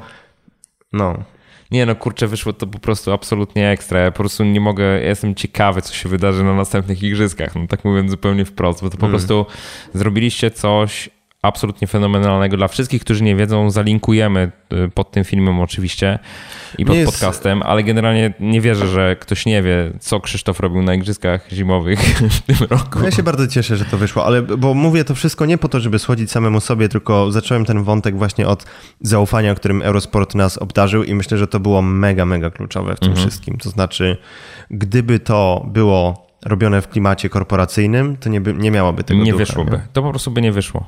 Po prostu no. ktoś by położył rękę, powiedział, taki materiał później może po prostu, nie? Jak no, nie wiem, ten... rozmowa e, z, z to, to, jest zjazd, tak? E, chłopak, mhm. który zjeżdża, sam pojechał za własne pieniądze, w zasadzie za pieniądze rodziny na, e, na igrzyska, nie? No, no, no. no. no to akurat, to, to myślę, że to jest medialny temat. To wiesz, bardziej takie nie wiem. No. Ale tam było dużo fajnych rzeczy. Boże, no, zaplecze, wiesz, ten, y, pamiętam Kamil Stoch, mhm. nie? I, I, to, to, jak pokazaliście, co się tam dzieje mhm. e, na dole po prostu, nie? E, no, no Świetne. mnie to samego ciekawiło, nie? Znaczy, to było naprawdę parę tygodni bardzo intensywnej pracy, ale takiej, wiesz, z takim flow, nie? Tak, to, to tak, tak. Mówimy o tym zjawisku ten... flow, że po prostu Dokładnie. ja się budziłem rano jak robot po prostu. Tak robimy. Nie? Zorientowany na robotę po prostu. Pracowaliśmy tam po 15 godzin na dobę przez 3 tygodnie, ale no, warto było. Nie? Fajna dygresja, długa dygresja. przepraszam, przepraszam, ale, nie, nie, ale ja, tu, ja, punktem, ja jest, który chcemy dostarczyć jestem... jest zaufanie do ludzi kreatywnych. Właśnie, właśnie. Czyli tu, tu mówiliśmy o tym, że przychodzą te briefy, że dziewczyny je przetwarzają, wrzucają tak. tobie, mhm. e, ty tam modyfikujesz bądź nie modyfikujesz, bądź rozszerzasz pomysły i tak. co się dzieje dalej, nie? I gdzieś następuje ta faza akceptacji. Ja teraz bym cię zapytał, ile czasu średnio zabiera takie uzgodnienie warunków E, co ma być zrealizowane. Ale mówisz o okresie pomiędzy tymi mailami pierwszymi do realizacji? Tak, myślę od momentu, przys- nie, nie, nie, od momentu przysłania briefa do, takiego, do takiej decyzji, dobra, wchodzimy w tą współpracę, już wiemy, co mamy yy, zrobione. czasem to jest na drugi dzień, czasem to trwa pół roku. Okay. nie ma zasady. Zależy to od jest, projektu. To jest, zależy od, od firmy przede wszystkim, mm-hmm. no bo mhm. to Wiesz, no agencje też na ich rękę byłoby robić takie rzeczy jak najszybciej, ale klienci są różni i bardzo często też wiesz, im większa firma, tym często więcej jakby potrzebnych jest podpisów, mhm. E, czy takie klimaty. Chociaż to też nie zawsze jest zasada. Czasem większe są lepsze, szybsze niż małe, bo dla małych z kolei budżet potrzebny na wynajęcie youtubera jest, oni to czują, że to są, tak, że to są tak. pieniądze, które wiesz, Muszą się przyzwyczaić do tej koncepcji. Muszą być dobrze zainwestowane. Mhm. To jest zrozumiałe, że wtedy bardziej patrzą wszystkim na rękę, bo się boją po prostu, że wywalą jedną trzecią budżetu rocznego na coś, co nie, nie będzie miało sensu. Mhm. No, więc, więc to jest takie bardzo, bardzo różnorodne. Mhm. Tu nie ma Jak ty zasady. podchodzisz do wyceny tych projektów? Aha. W sensie macie standardowy cennik takiej współpracy, czy, czy to jest tak, że na przykład każdy projekt w jakimś tam stopniu kalkulujesz? Mamy standardowe jakieś takie punkty wyjścia orientacyjne. Mhm dla, no mogę powiedzieć, nie? Bo to jest, no to jak, jeśli robimy taki film, taki jednodniowy odcinek daily vloga, no to tak z 35 tysięcy to jest taki początek, nie? Mhm. Um, czasem robimy rzeczy tańsze, jeśli to nie jest odcinek cały tematyczny, tylko jakiś wątek w odcinku. Że tak, no wiesz, to mhm. bardzo, bardzo zależy wszystko od kontekstu, bo, bo są rzeczy, które ja po prostu chcę robić i wtedy jakby zrobię coś e, też taniej dla kogoś, albo, albo wiem, że coś e, do mnie wróci. No wiesz, no różne są metody wyceniania rzeczy. E, jeśli chodzi o bardziej wyjazdowe tematy, takie na zasadzie chcemy wysłać Krzysztofa do, do Chin i tam zrobić jakiś film z jakiegoś miasta czy coś, no to tak ostatnio jak to aktualizuje, półtora roku temu mówiliśmy 50, ale to jest już trochę, trochę mało, to znaczy te rzeczy są bardzo czasochłonne mhm. i to mhm. nie do końca ten, znaczy, może trzeba tutaj dać disclaimer. No to są duże kwoty oczywiście, ale to nie jest tak, że na drugi dzień ja dostaję ten przelew i zarobiłem 50 tysięcy w trzy dni i jeszcze mówię, że to mało. No to tak nie działa, nie? To no. jest jednak, mówimy o firmie, która właśnie ma paruna, paręnaście osób w zespole.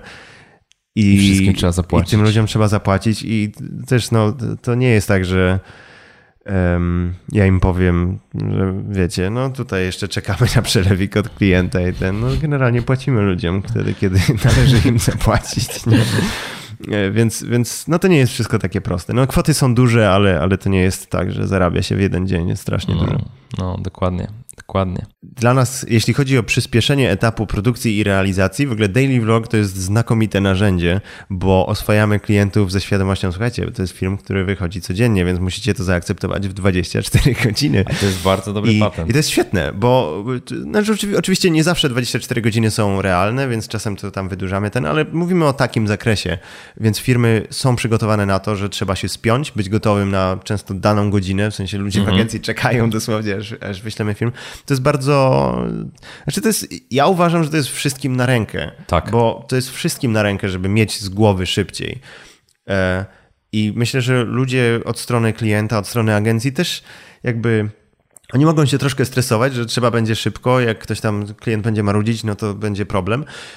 I owszem, ale z drugiej strony yy, wszyscy czują się bardziej zmobilizowani do szybkich decyzji, a ja uważam, że szybkie decyzje są zazwyczaj trafne, w sensie intuicja jest mega niedocenioną siłą.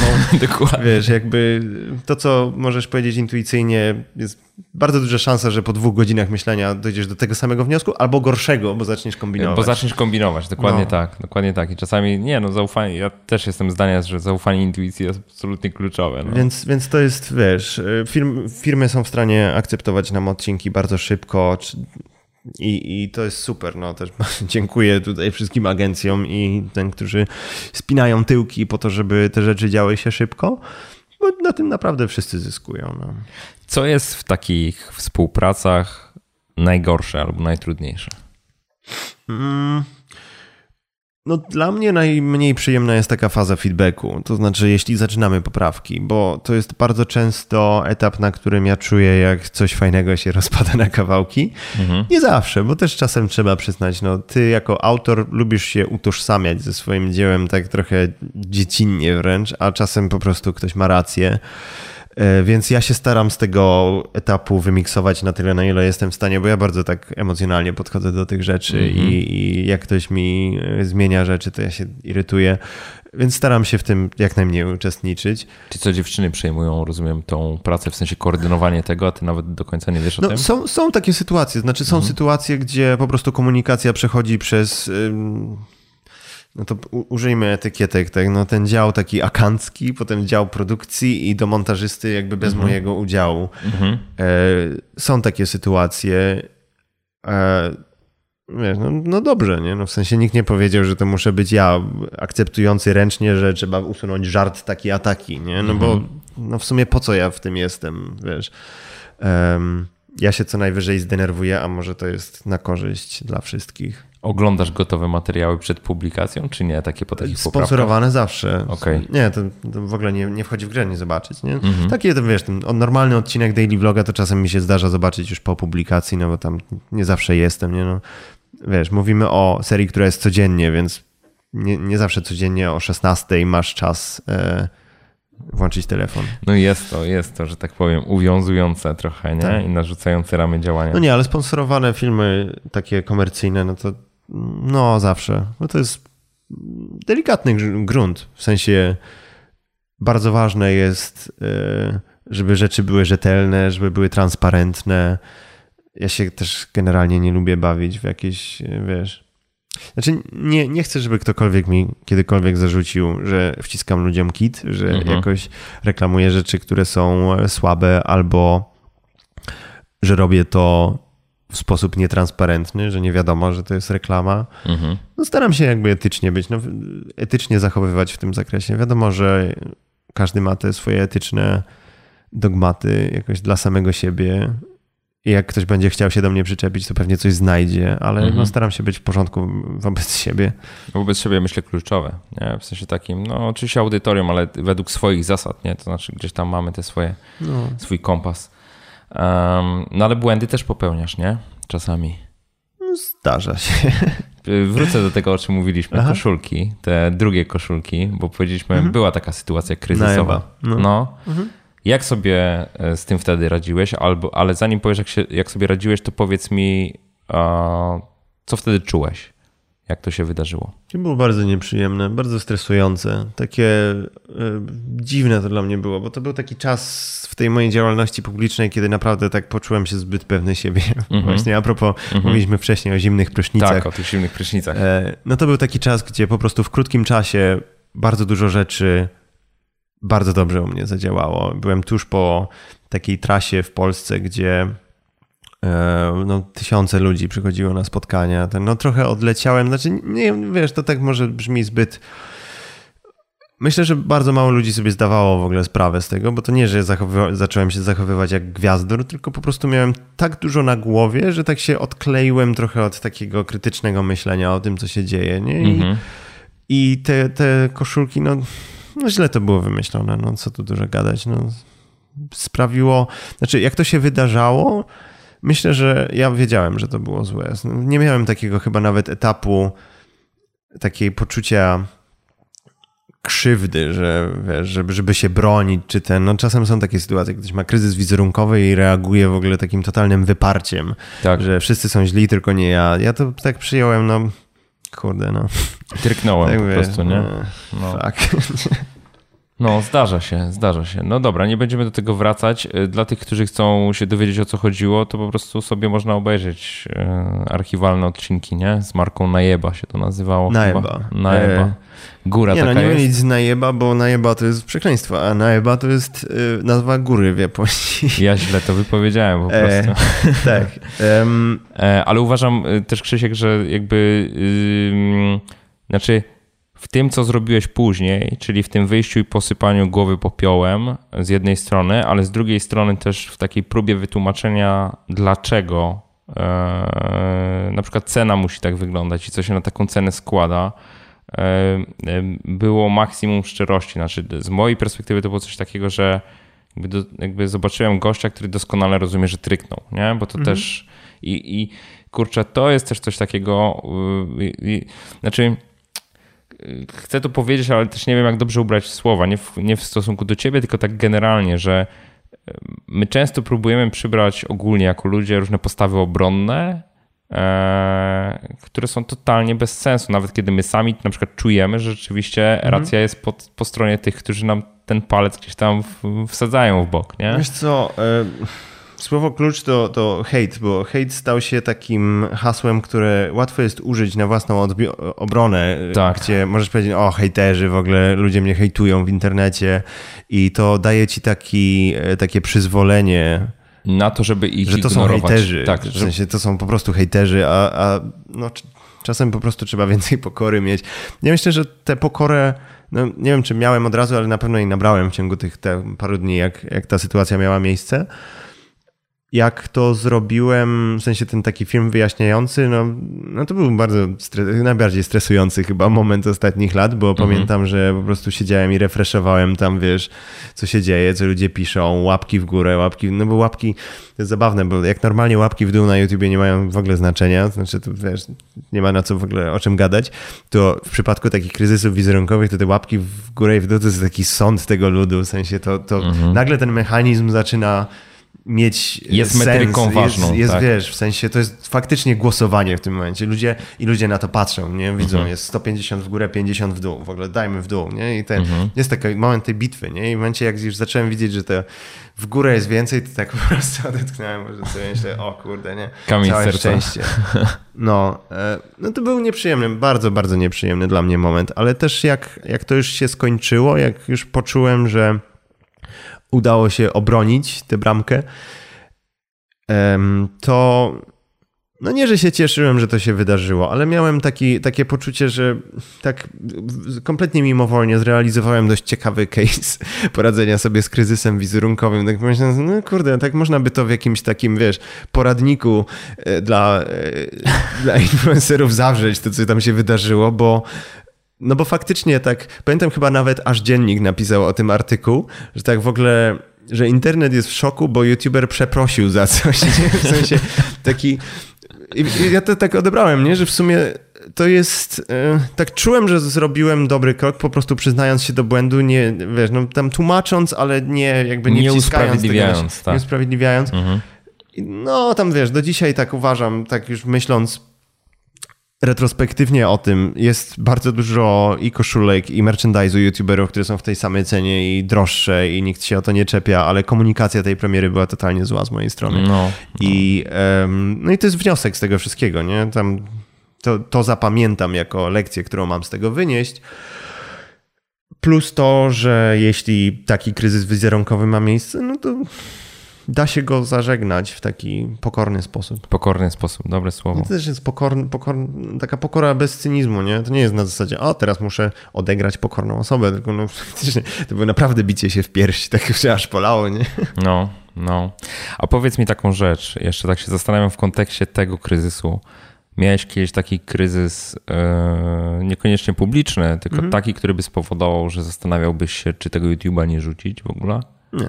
Nie. Nie, to ja myślę, wiesz, ja mam taką specyficzną drogę dojścia do, tej, tej, Mhm. do tego YouTube'a, bo ja przez, już nie pamiętam ile nas, 6 lat, 5 lat, pracowałem wcześniej w firmie gry online, tam prowadziłem, współprowadziłem taką telewizję o grach, znaczy dziś powiedzielibyśmy platformę wideo, tvgry.pl i, no i tam miałem taki, wiesz, styczność z krytyką, styczność z publicznością. To już tam oglądały mnie tysiące ludzi, którzy nie byli moją publicznością, tylko tam czytelnikami tego serwisu internetowego. I, Mhm. I ja zaczynając tę przygodę z YouTube'em, no to byłem już taki, Wyrobiony? no już wyrobiony, no w sensie nie jest łatwo mnie jakoś tam zbić Mhm. z piedestału, nie? Znaczy, może to nie jest dobre wyrażenie, no tak nie jest łatwo mnie tak dotknąć się, skrytykować, żebym dotknąć się tym przejął. Tak, tak. Czy wiesz, no... Y, Zresztą no jakby miałeś tą swoją broń, tak? Bo zawsze przybierałeś tam te różne maski i tworzyłeś te różne alter ego i to też myślę jest coś takiego, co powodowało, że tak, tak w sumie to trudno tego kończarza zdiagnozować, nie? Tak nie, nie wiadomo kim on tak, tak naprawdę jest do końca. No.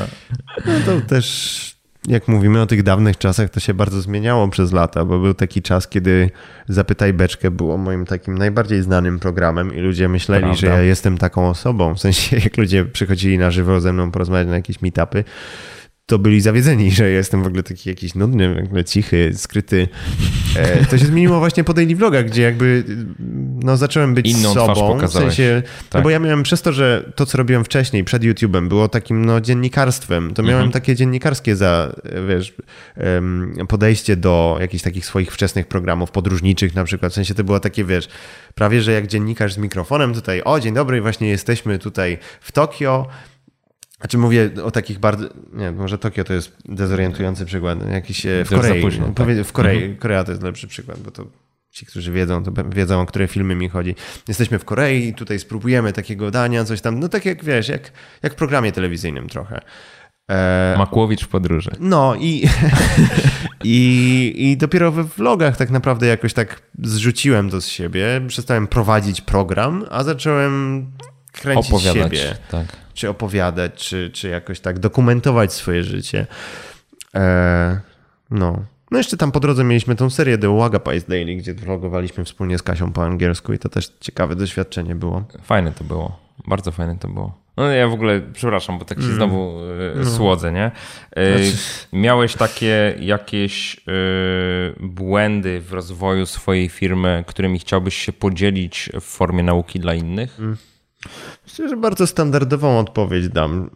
Taką, że, że ten moment, kiedy zacząłem budować zespół, on był mega przełomowy i znaczy, ja generalnie nie lubię mówić o przeszłości tak jakby... Że coś było że złe. coś było złe, mhm. no bo jakby cieszę się z tego tu, gdzie jestem. Jakbym zrobił rzeczy lepiej w przeszłości, może byłoby gorzej. Nie wiesz tego. E, ale no polecałbym się nie bać. No w sensie... Okay ta kwestia outsourcingu i eksperymentowania, no tak jak mówiliśmy, to nie musi działać, to nie musi być dobra opcja, ale ta lekcja pokory, która przychodzi z tego, że może twoje niezastąpione umiejętności tak naprawdę nie są aż tak wyjątkowe, to się przydaje i to jest takie, no warto przez to przejść. Um, jakoś my, myślę, że to trochę wyłącza ci ego, nie? Też e, jak już pracujesz zespołowo, to jest mniej trochę Czyli stajesz Ty? się taki bezpieczniejszy, tak? W sensie bardziej przewidywalny, stabilny, tak? Czy... W jakim sensie? Nie, no pytam właśnie, bo wiesz, co, co rozumiesz pod wyłącza ego? No w sensie, że to jest mniej o tobie wszystko. Znaczy, kurczę, no właśnie o co mi chodzi. O to, że twoje ego jest poskromione w momencie, jak to już jest cały zespół, który na coś pracuje. Ja myślę, że to jest indywidualne i mocno zależy od człowieka. Wiesz, okay. bo u niektórych pewnie jest tak, że im się właśnie włącza taki mechanizm typu jestem szefem. władzy nad ludźmi. No, no. A okej, okay. no to ja chyba, znaczy mam nadzieję, że tak nie mam. Jeśli ktoś z moich pracowników uważa, że jestem ten, to ty jesteś y, ten, który sądzi, że to tak właśnie oni po, pomagają ci poskramiać, nie? E, Pewnie tak jest, ale to jest praca kreatywna, więc to jest trochę inna specyfika pracy. Nie? Ty dajesz im wolną rękę, oni po prostu działają i realizują siebie, więc w tym sensie ciebie być może, być może twojego mniej widać. No. Nie wiem, interpretuję. No tak, ale, ale bo też chodzi mi o to, że jako osoba kreatywna lubisz być przywiązany do swojej takiej autorskości i w momencie, kiedy zaczynasz działać zespołowo kreatywnie, no to ta autorskość siłą rzeczy się troszkę rozmywa. rozmywa. Mhm. I no i to już nie, nie masz tych, tych lejców całkiem, że to, te rzeczy nie są dokładnie takie, jakie chcesz, ale to może znaczyć, że są lepsze. I to jest coś, co no warto jest zrozumieć, myślę, jeśli jest, się pracuje w takich rejonach. Jasne. Czym się będzie zajmowała ta firma, którą wczoraj ogłaszaliście w Polsce? Mm, wczoraj ogłosiliśmy, że będziemy otwierać takie no, analogiczne studio jak w Japonii na Polskę, to znaczy okay my w Polsce tak naprawdę inaczej. E, zaistniała taka dziwna asymetria w naszej działalności, że w Japonii robimy e, produkcje komercyjne, tak jak mówiłem, właśnie mówiliśmy jakie rodzaje, dokumenty, firmy korporacyjne, relacje z eventów, a w Polsce robimy tylko YouTube'a. No ten YouTube jest oczywiście bardzo dla nas taki no, lukratywny, duży, to jest to, z czego ludzie nas znają, ale ta asymetria jest bez sensu, no bo w sensie mamy wszystko, czego potrzeba, żeby również taką działalność prowadzić w Polsce. No i teraz, teraz to po prostu e, ogłosiliśmy i będziemy robić, więc e, po prostu użyjemy naszego zespołu, naszej wiedzy, żeby otworzyć się też na klientów, którzy chcą coś fajnego wyprodukować, co niekoniecznie jest filmem na YouTube'a Krzysztofa Gonciarza, tylko mhm. jak chcesz e, film dokumentalny na swój, na temat swojej firmy, jak chcesz jakiś tam reportaż, coś, no wiesz, rozmaite możliwości. Super, super. No ciekawe jestem, jak to się będzie y, kręciło. Ja też. Powodzenia życzę oczywiście, bo to jest y, na, na pewno waszym dużym skillem jest to, że potraficie robić materiały sprawnie, nie? Ja miałem taki moment parę miesięcy temu, na początku tego roku, gdzie właśnie tak na, y, bardzo mnie napełniłem się dumą, patrząc na te wszystkie rzeczy, które robimy jako, jako cały team, bo pomyślałem sobie, mieliśmy taki mega w ogóle intensywny początek roku. W styczniu Zrobiliśmy tą kolaborację z Netflixem Czarne Lusterko, które było naszym takim pierwszym podejściem z produkcją fabularną, z e, taką otarliśmy się o branżę film, filmową, bo pracowaliśmy z ekipą e, filmową, którą sami jakby e, no w sensie to nie było tak, że ktoś nam ją dał i my się musieliśmy... My, my byliśmy tak? jakby tym, tym, tym trzonem, wokół którego zbudowaliśmy ekipę. E, no i to było doświadczenie takie bardziej zbliżone do właśnie tych produkcji, które robimy w Japonii tak naprawdę, no z tym wyjątkiem, że my tam występowaliśmy, no bo to tak miało być, bo tak no tak chciał klient. E, I zrobiliśmy to w tym, w tym czasie, jak Czarne Lusterko powstawało, to poleciliśmy do Japonii. Ja nagrałem film o, o fabryce plastiku, czyli taką komercyjną produkcję, która też bardzo mi się podoba. Tam z kolei były trzy wersje językowe tego. Robiliśmy film po chińsku, po japońsku i po angielsku. E, więc to też oczywiście różne zabawne wyzwania w workflowle e, generuje. A parę tygodni po tym nagle wylądowaliśmy na Igrzyskach Olimpijskich i mierzyliśmy się z dziennikarstwem sportowym, z reportażem takim, wiesz, e, więc jakby w ciągu miesiąca mieliśmy trzy kompletnie różne gatunki do ogarnięcia i sobie pomyślałem, kurczę, dajemy radę w tych, w tych różnych rejonach. Mhm. Mamy tych zdolnych ludzi, którzy są w stanie złożyć coś, co może pójść na Netflixie. Znaczy, no ten nasz film nie, nie był na Netflixie, ale... No, ale e, mógłby. Mógłby, no gdybyśmy tam, wiesz, no brakowało tych 20%, które zawsze można dorzucić. E, Jesteśmy w stanie zrobić coś, co pójdzie na Netflixie. Jesteśmy w stanie stworzyć relacje z Igrzysk Olimpijskich dla Eurosportu. Jesteśmy w stanie e, oprodukować filmy komercyjne dla, dla Japończyków. I to jeszcze ten klient to taka bardzo konserwatywna japońska firma, gdzie e, cud, że oni w ogóle z obcokrajowcami chcą współpracować. Taki mm -hmm, bardzo mhm. konserwatywny mm -hmm. klimat. Więc tak pomyślałem sobie, kurczę, nie? Jestem zadowolony jest naprawdę moc, z, z, tego, z, tego, rozrzutu i z tego, że ludzie naprawdę dają radę. No, te igrzyska to wiesz, dawaliśmy codziennie paręnaście minut fajnego, super zmontowanego kontentu. E, przy takim cyklu produkcyjnym jednodniowym, gdzie no. jeszcze kręciliśmy to tam na miejscu, no wiesz, byłem tak dumny ze wszystkich ludzi, którzy z nami pracują. Ja pamiętam, że nawet mi się cudownie oglądało. Taki moment był w e, którymś e, z tych odcinków, gdzie mówiłeś, że codziennie spędzamy chyba 5 czy tam 6 godzin w autobusach, przejeżdżając między obiektami, bo one były daleko od siebie. Ja mówię, kurczę, nawet to jest, to są takie rzeczy, no, których po prostu nie da się zobaczyć w telewizji, nie? Mhm. Nie da się o tym usłyszeć. No, no. I to, to, to pokazuje, jak ta rzeczywistość tam na miejscu naprawdę wygląda. No, coś wspaniałego. Było zabawne, bo to, to, my tak przez te parę tygodni tak yy, nauczyliśmy się o tym sporcie, yy, tam poznaliśmy, yy, zaczynaliśmy od kompletnie zerowego poziomu i uznaliśmy, że nie będziemy nie zrobimy takiego pseudo-researchu, bo tak uznajmy, że to jest feature. W sensie, tak, to tak, nie jest bug, to jest feature, że nic nie wiemy, nie? No i wiesz, który dziennikarz sportowy zada E, tam łyżwiarce short trackowej pytanie, na czym polega twoja dyscyplina sportu? Bo my autentycznie nie wiedzieliśmy, czym się różni short track od długiego toru. Teraz już wiem, ale to jest, no wystarczy, wiesz, oglądać sport w telewizji i to wiesz, więc to była absurdalna dla nas pozycja. E, nie do końca, bo wasze audytorium w dużej mierze też ma prawo tak, tak tego tak, tak. nie wiedzieć. Tak, nie? oczywiście. I mhm. wiesz, i e, dla tego, dla tych 5% ludzi to jest żenujące, a dla 95, mhm. a okej, okay, no to. Nareszcie A wiem. więc nie ma nic złego w tym, że nie wiem. Tak, tak, tak, tak. I, I to raczej taki jest odbiór. No, ja też. Przepraszam, że tak cały czas wracam do tego, ale, ale to, jest, super, po prostu dawaj.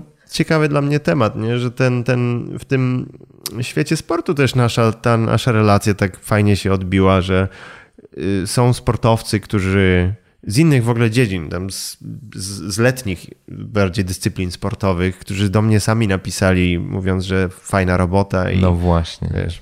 No właśnie. No i co? To jest najlepsza miara tego, czy to było dobre, czy nie, tak? No myślę, że myślę, że tak. No to przyszłość, Krzysztof. jakie ty masz e, plany na najbliższą przyszłość, na dalszą przyszłość, cele, ambicje? Co ci tam po głowie chodzi?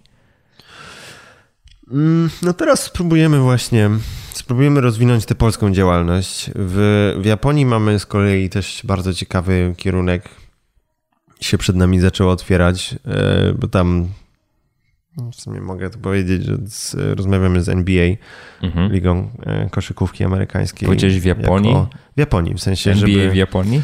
No w sensie, żeby robić treści na media społecznościowe NBA na potrzeby promocji koszykówki w Japonii. Super.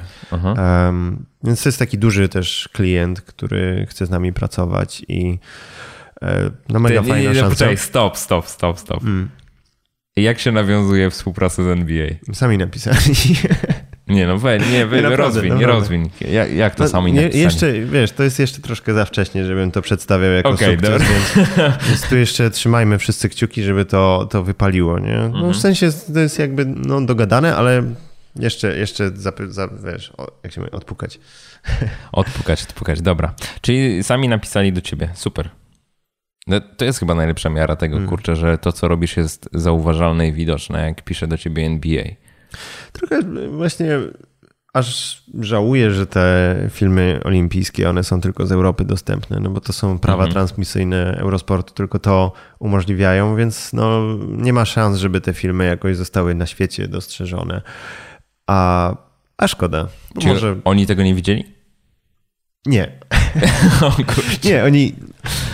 E, To e, tak wyglądało. Oni tam szu- szukali film, firmy w Tokio, która będzie dynamicznie działać w takich rzeczach i wchodzimy na spotkanie. Oni tam nas pytają, no znaleźliśmy strony, ładne rzeczy tam macie, nie?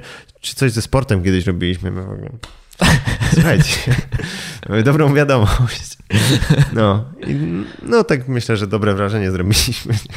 Super, absolutnie super. Dobra, czyli to jest y, to, jest to. coś Mhm. jeszcze z planów? Em, powiedziałem o Japonii, powiedziałem o tym. Nie wiem, no kurczę, tak e, akurat jest teraz Podcast. przede mną. Mówiłeś o podcaście coś. Myślę, myślę o podcaście, żeby Dobrze by było. konkurencji zrobić, bo No, za, za super, dobrze, rób, za dobrze rób. mam tutaj. Rób, nawet powiem ci, znaczy problem podcastingu w Polsce, jeżeli już o tym mówimy, to jest to, że generalnie mało ludzi wie, że jest coś takiego jak podcasty. Mhm. Więc y, to, co ja zawsze mówię wszystkim, którzy startują podcasterom, super, że wchodzisz, bo to ty docierasz do kogoś, Aha. kolejne osoby przekonają się, że coś takiego w ogóle jest. No co by mogło być lepszego dla podcastingu w Polsce niż wejście Krzysztofa Gonciarza w podcasty? No tak na Mm. poważnie, nie?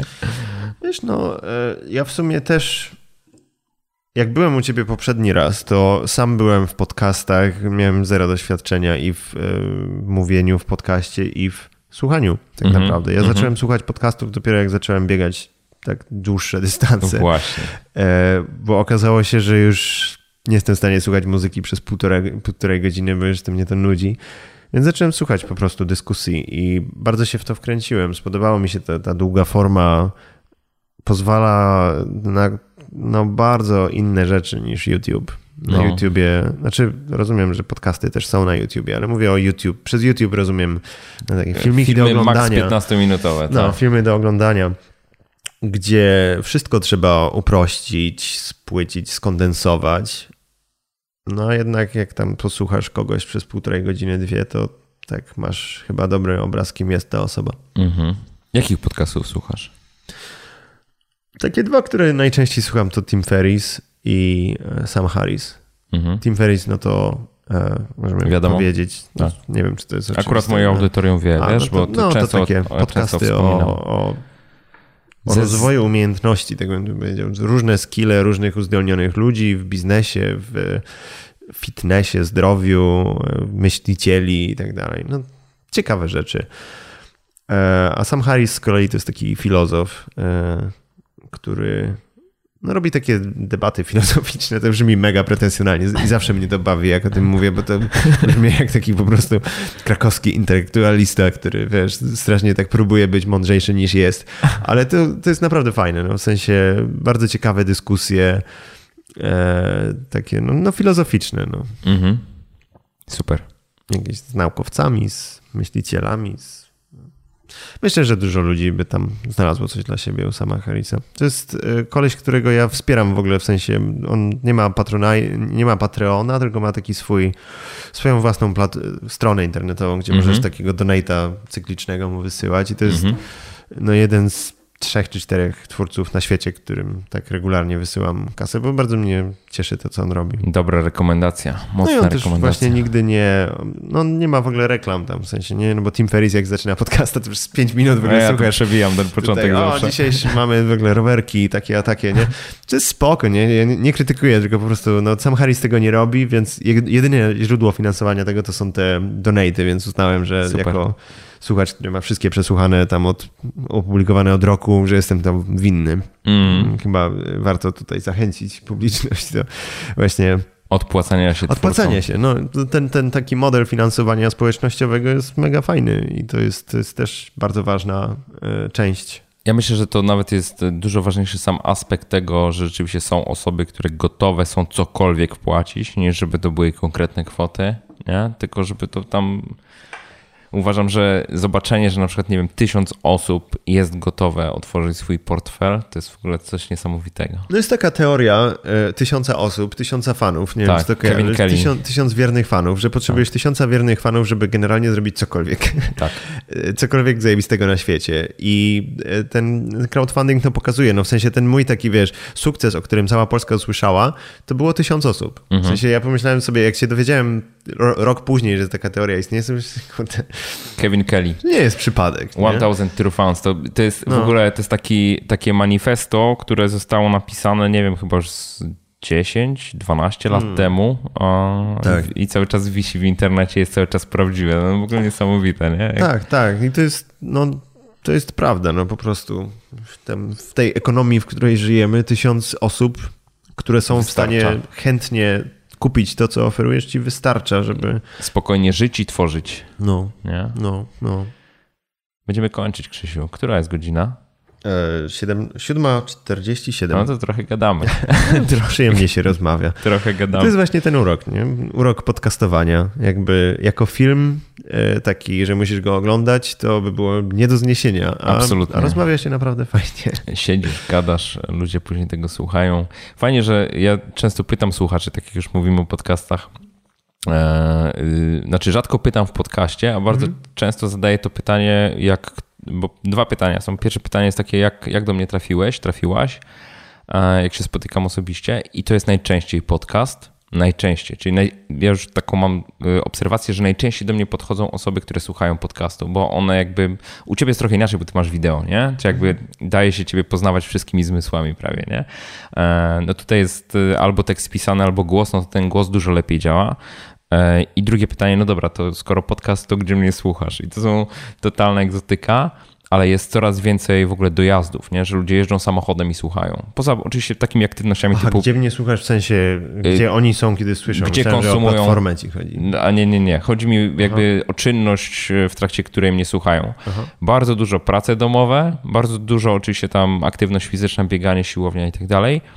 I coraz więcej wydaje mi się auto, wiesz, że, że jakby coraz częściej słyszę, że jadę samochodem i po prostu słucham podcastów, nie? Więc to też jest fajne, nie? Że jakby znowu y, świat poszedł do przodu, są techniczne możliwości, bo kiedyś trudno było słuchać podcastów w samochodzie, a teraz rzeczywiście robisz tak, że sobie odtwarzasz z telefonu, wiesz, przez audio samochodowe, nie? I to po prostu działa, nie? Więc Super.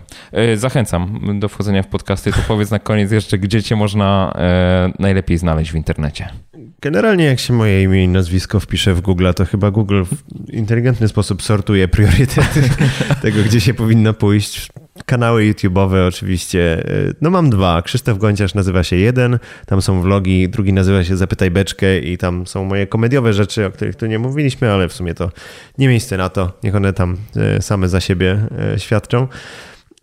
Z drugiej strony, coś jeszcze mam? No wszędzie, na wszystkich mediach społecznościowych Krzysztof Gonciarz po prostu. Po prostu, po prostu. Dzięki Krzysiek, że znowu przyjąłeś zaproszenie. Bardzo dziękuję, bardzo miło się rozmawiało, dziękuję.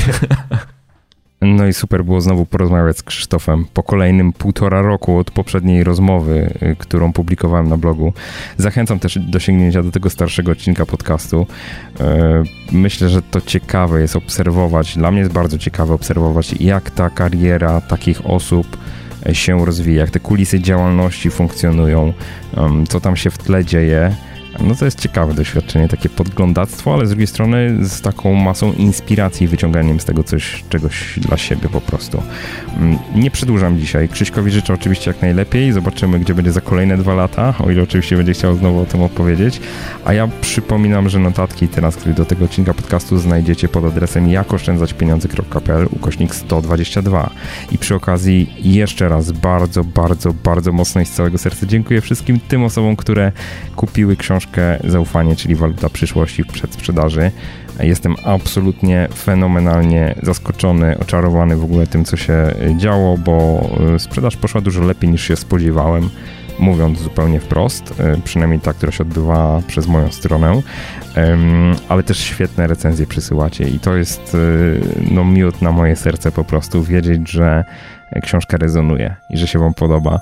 E, nagrywam, od razu ujawnię, nagrywam ten odcinek podcastu w środę, w dniu premiery książki. Jestem w przededniu live'a, który za chwilę będę przygotowywał dla Was i w przededniu też spotkań, które się będą odbywały podczas warszawskich targów książki. Także taka e, mocna ekscytacja i troszkę takie wyczekiwanie na te pierwsze spotkania. No ciekawe jak będzie, zobaczymy. Dla Was to już jest pewnie czas przeszły, dla tych osób, które bardziej miały się okazję ze mną spotkać w tych miejscach. Ach jo, e, tyle na dzisiaj, no nie będę przedłużał. Dzięki wielkie za wspólnie spędzony czas i życzę skutecznego przenoszenia Twoich celów finansowych na wyższy poziom. Trzymaj się, do usłyszenia.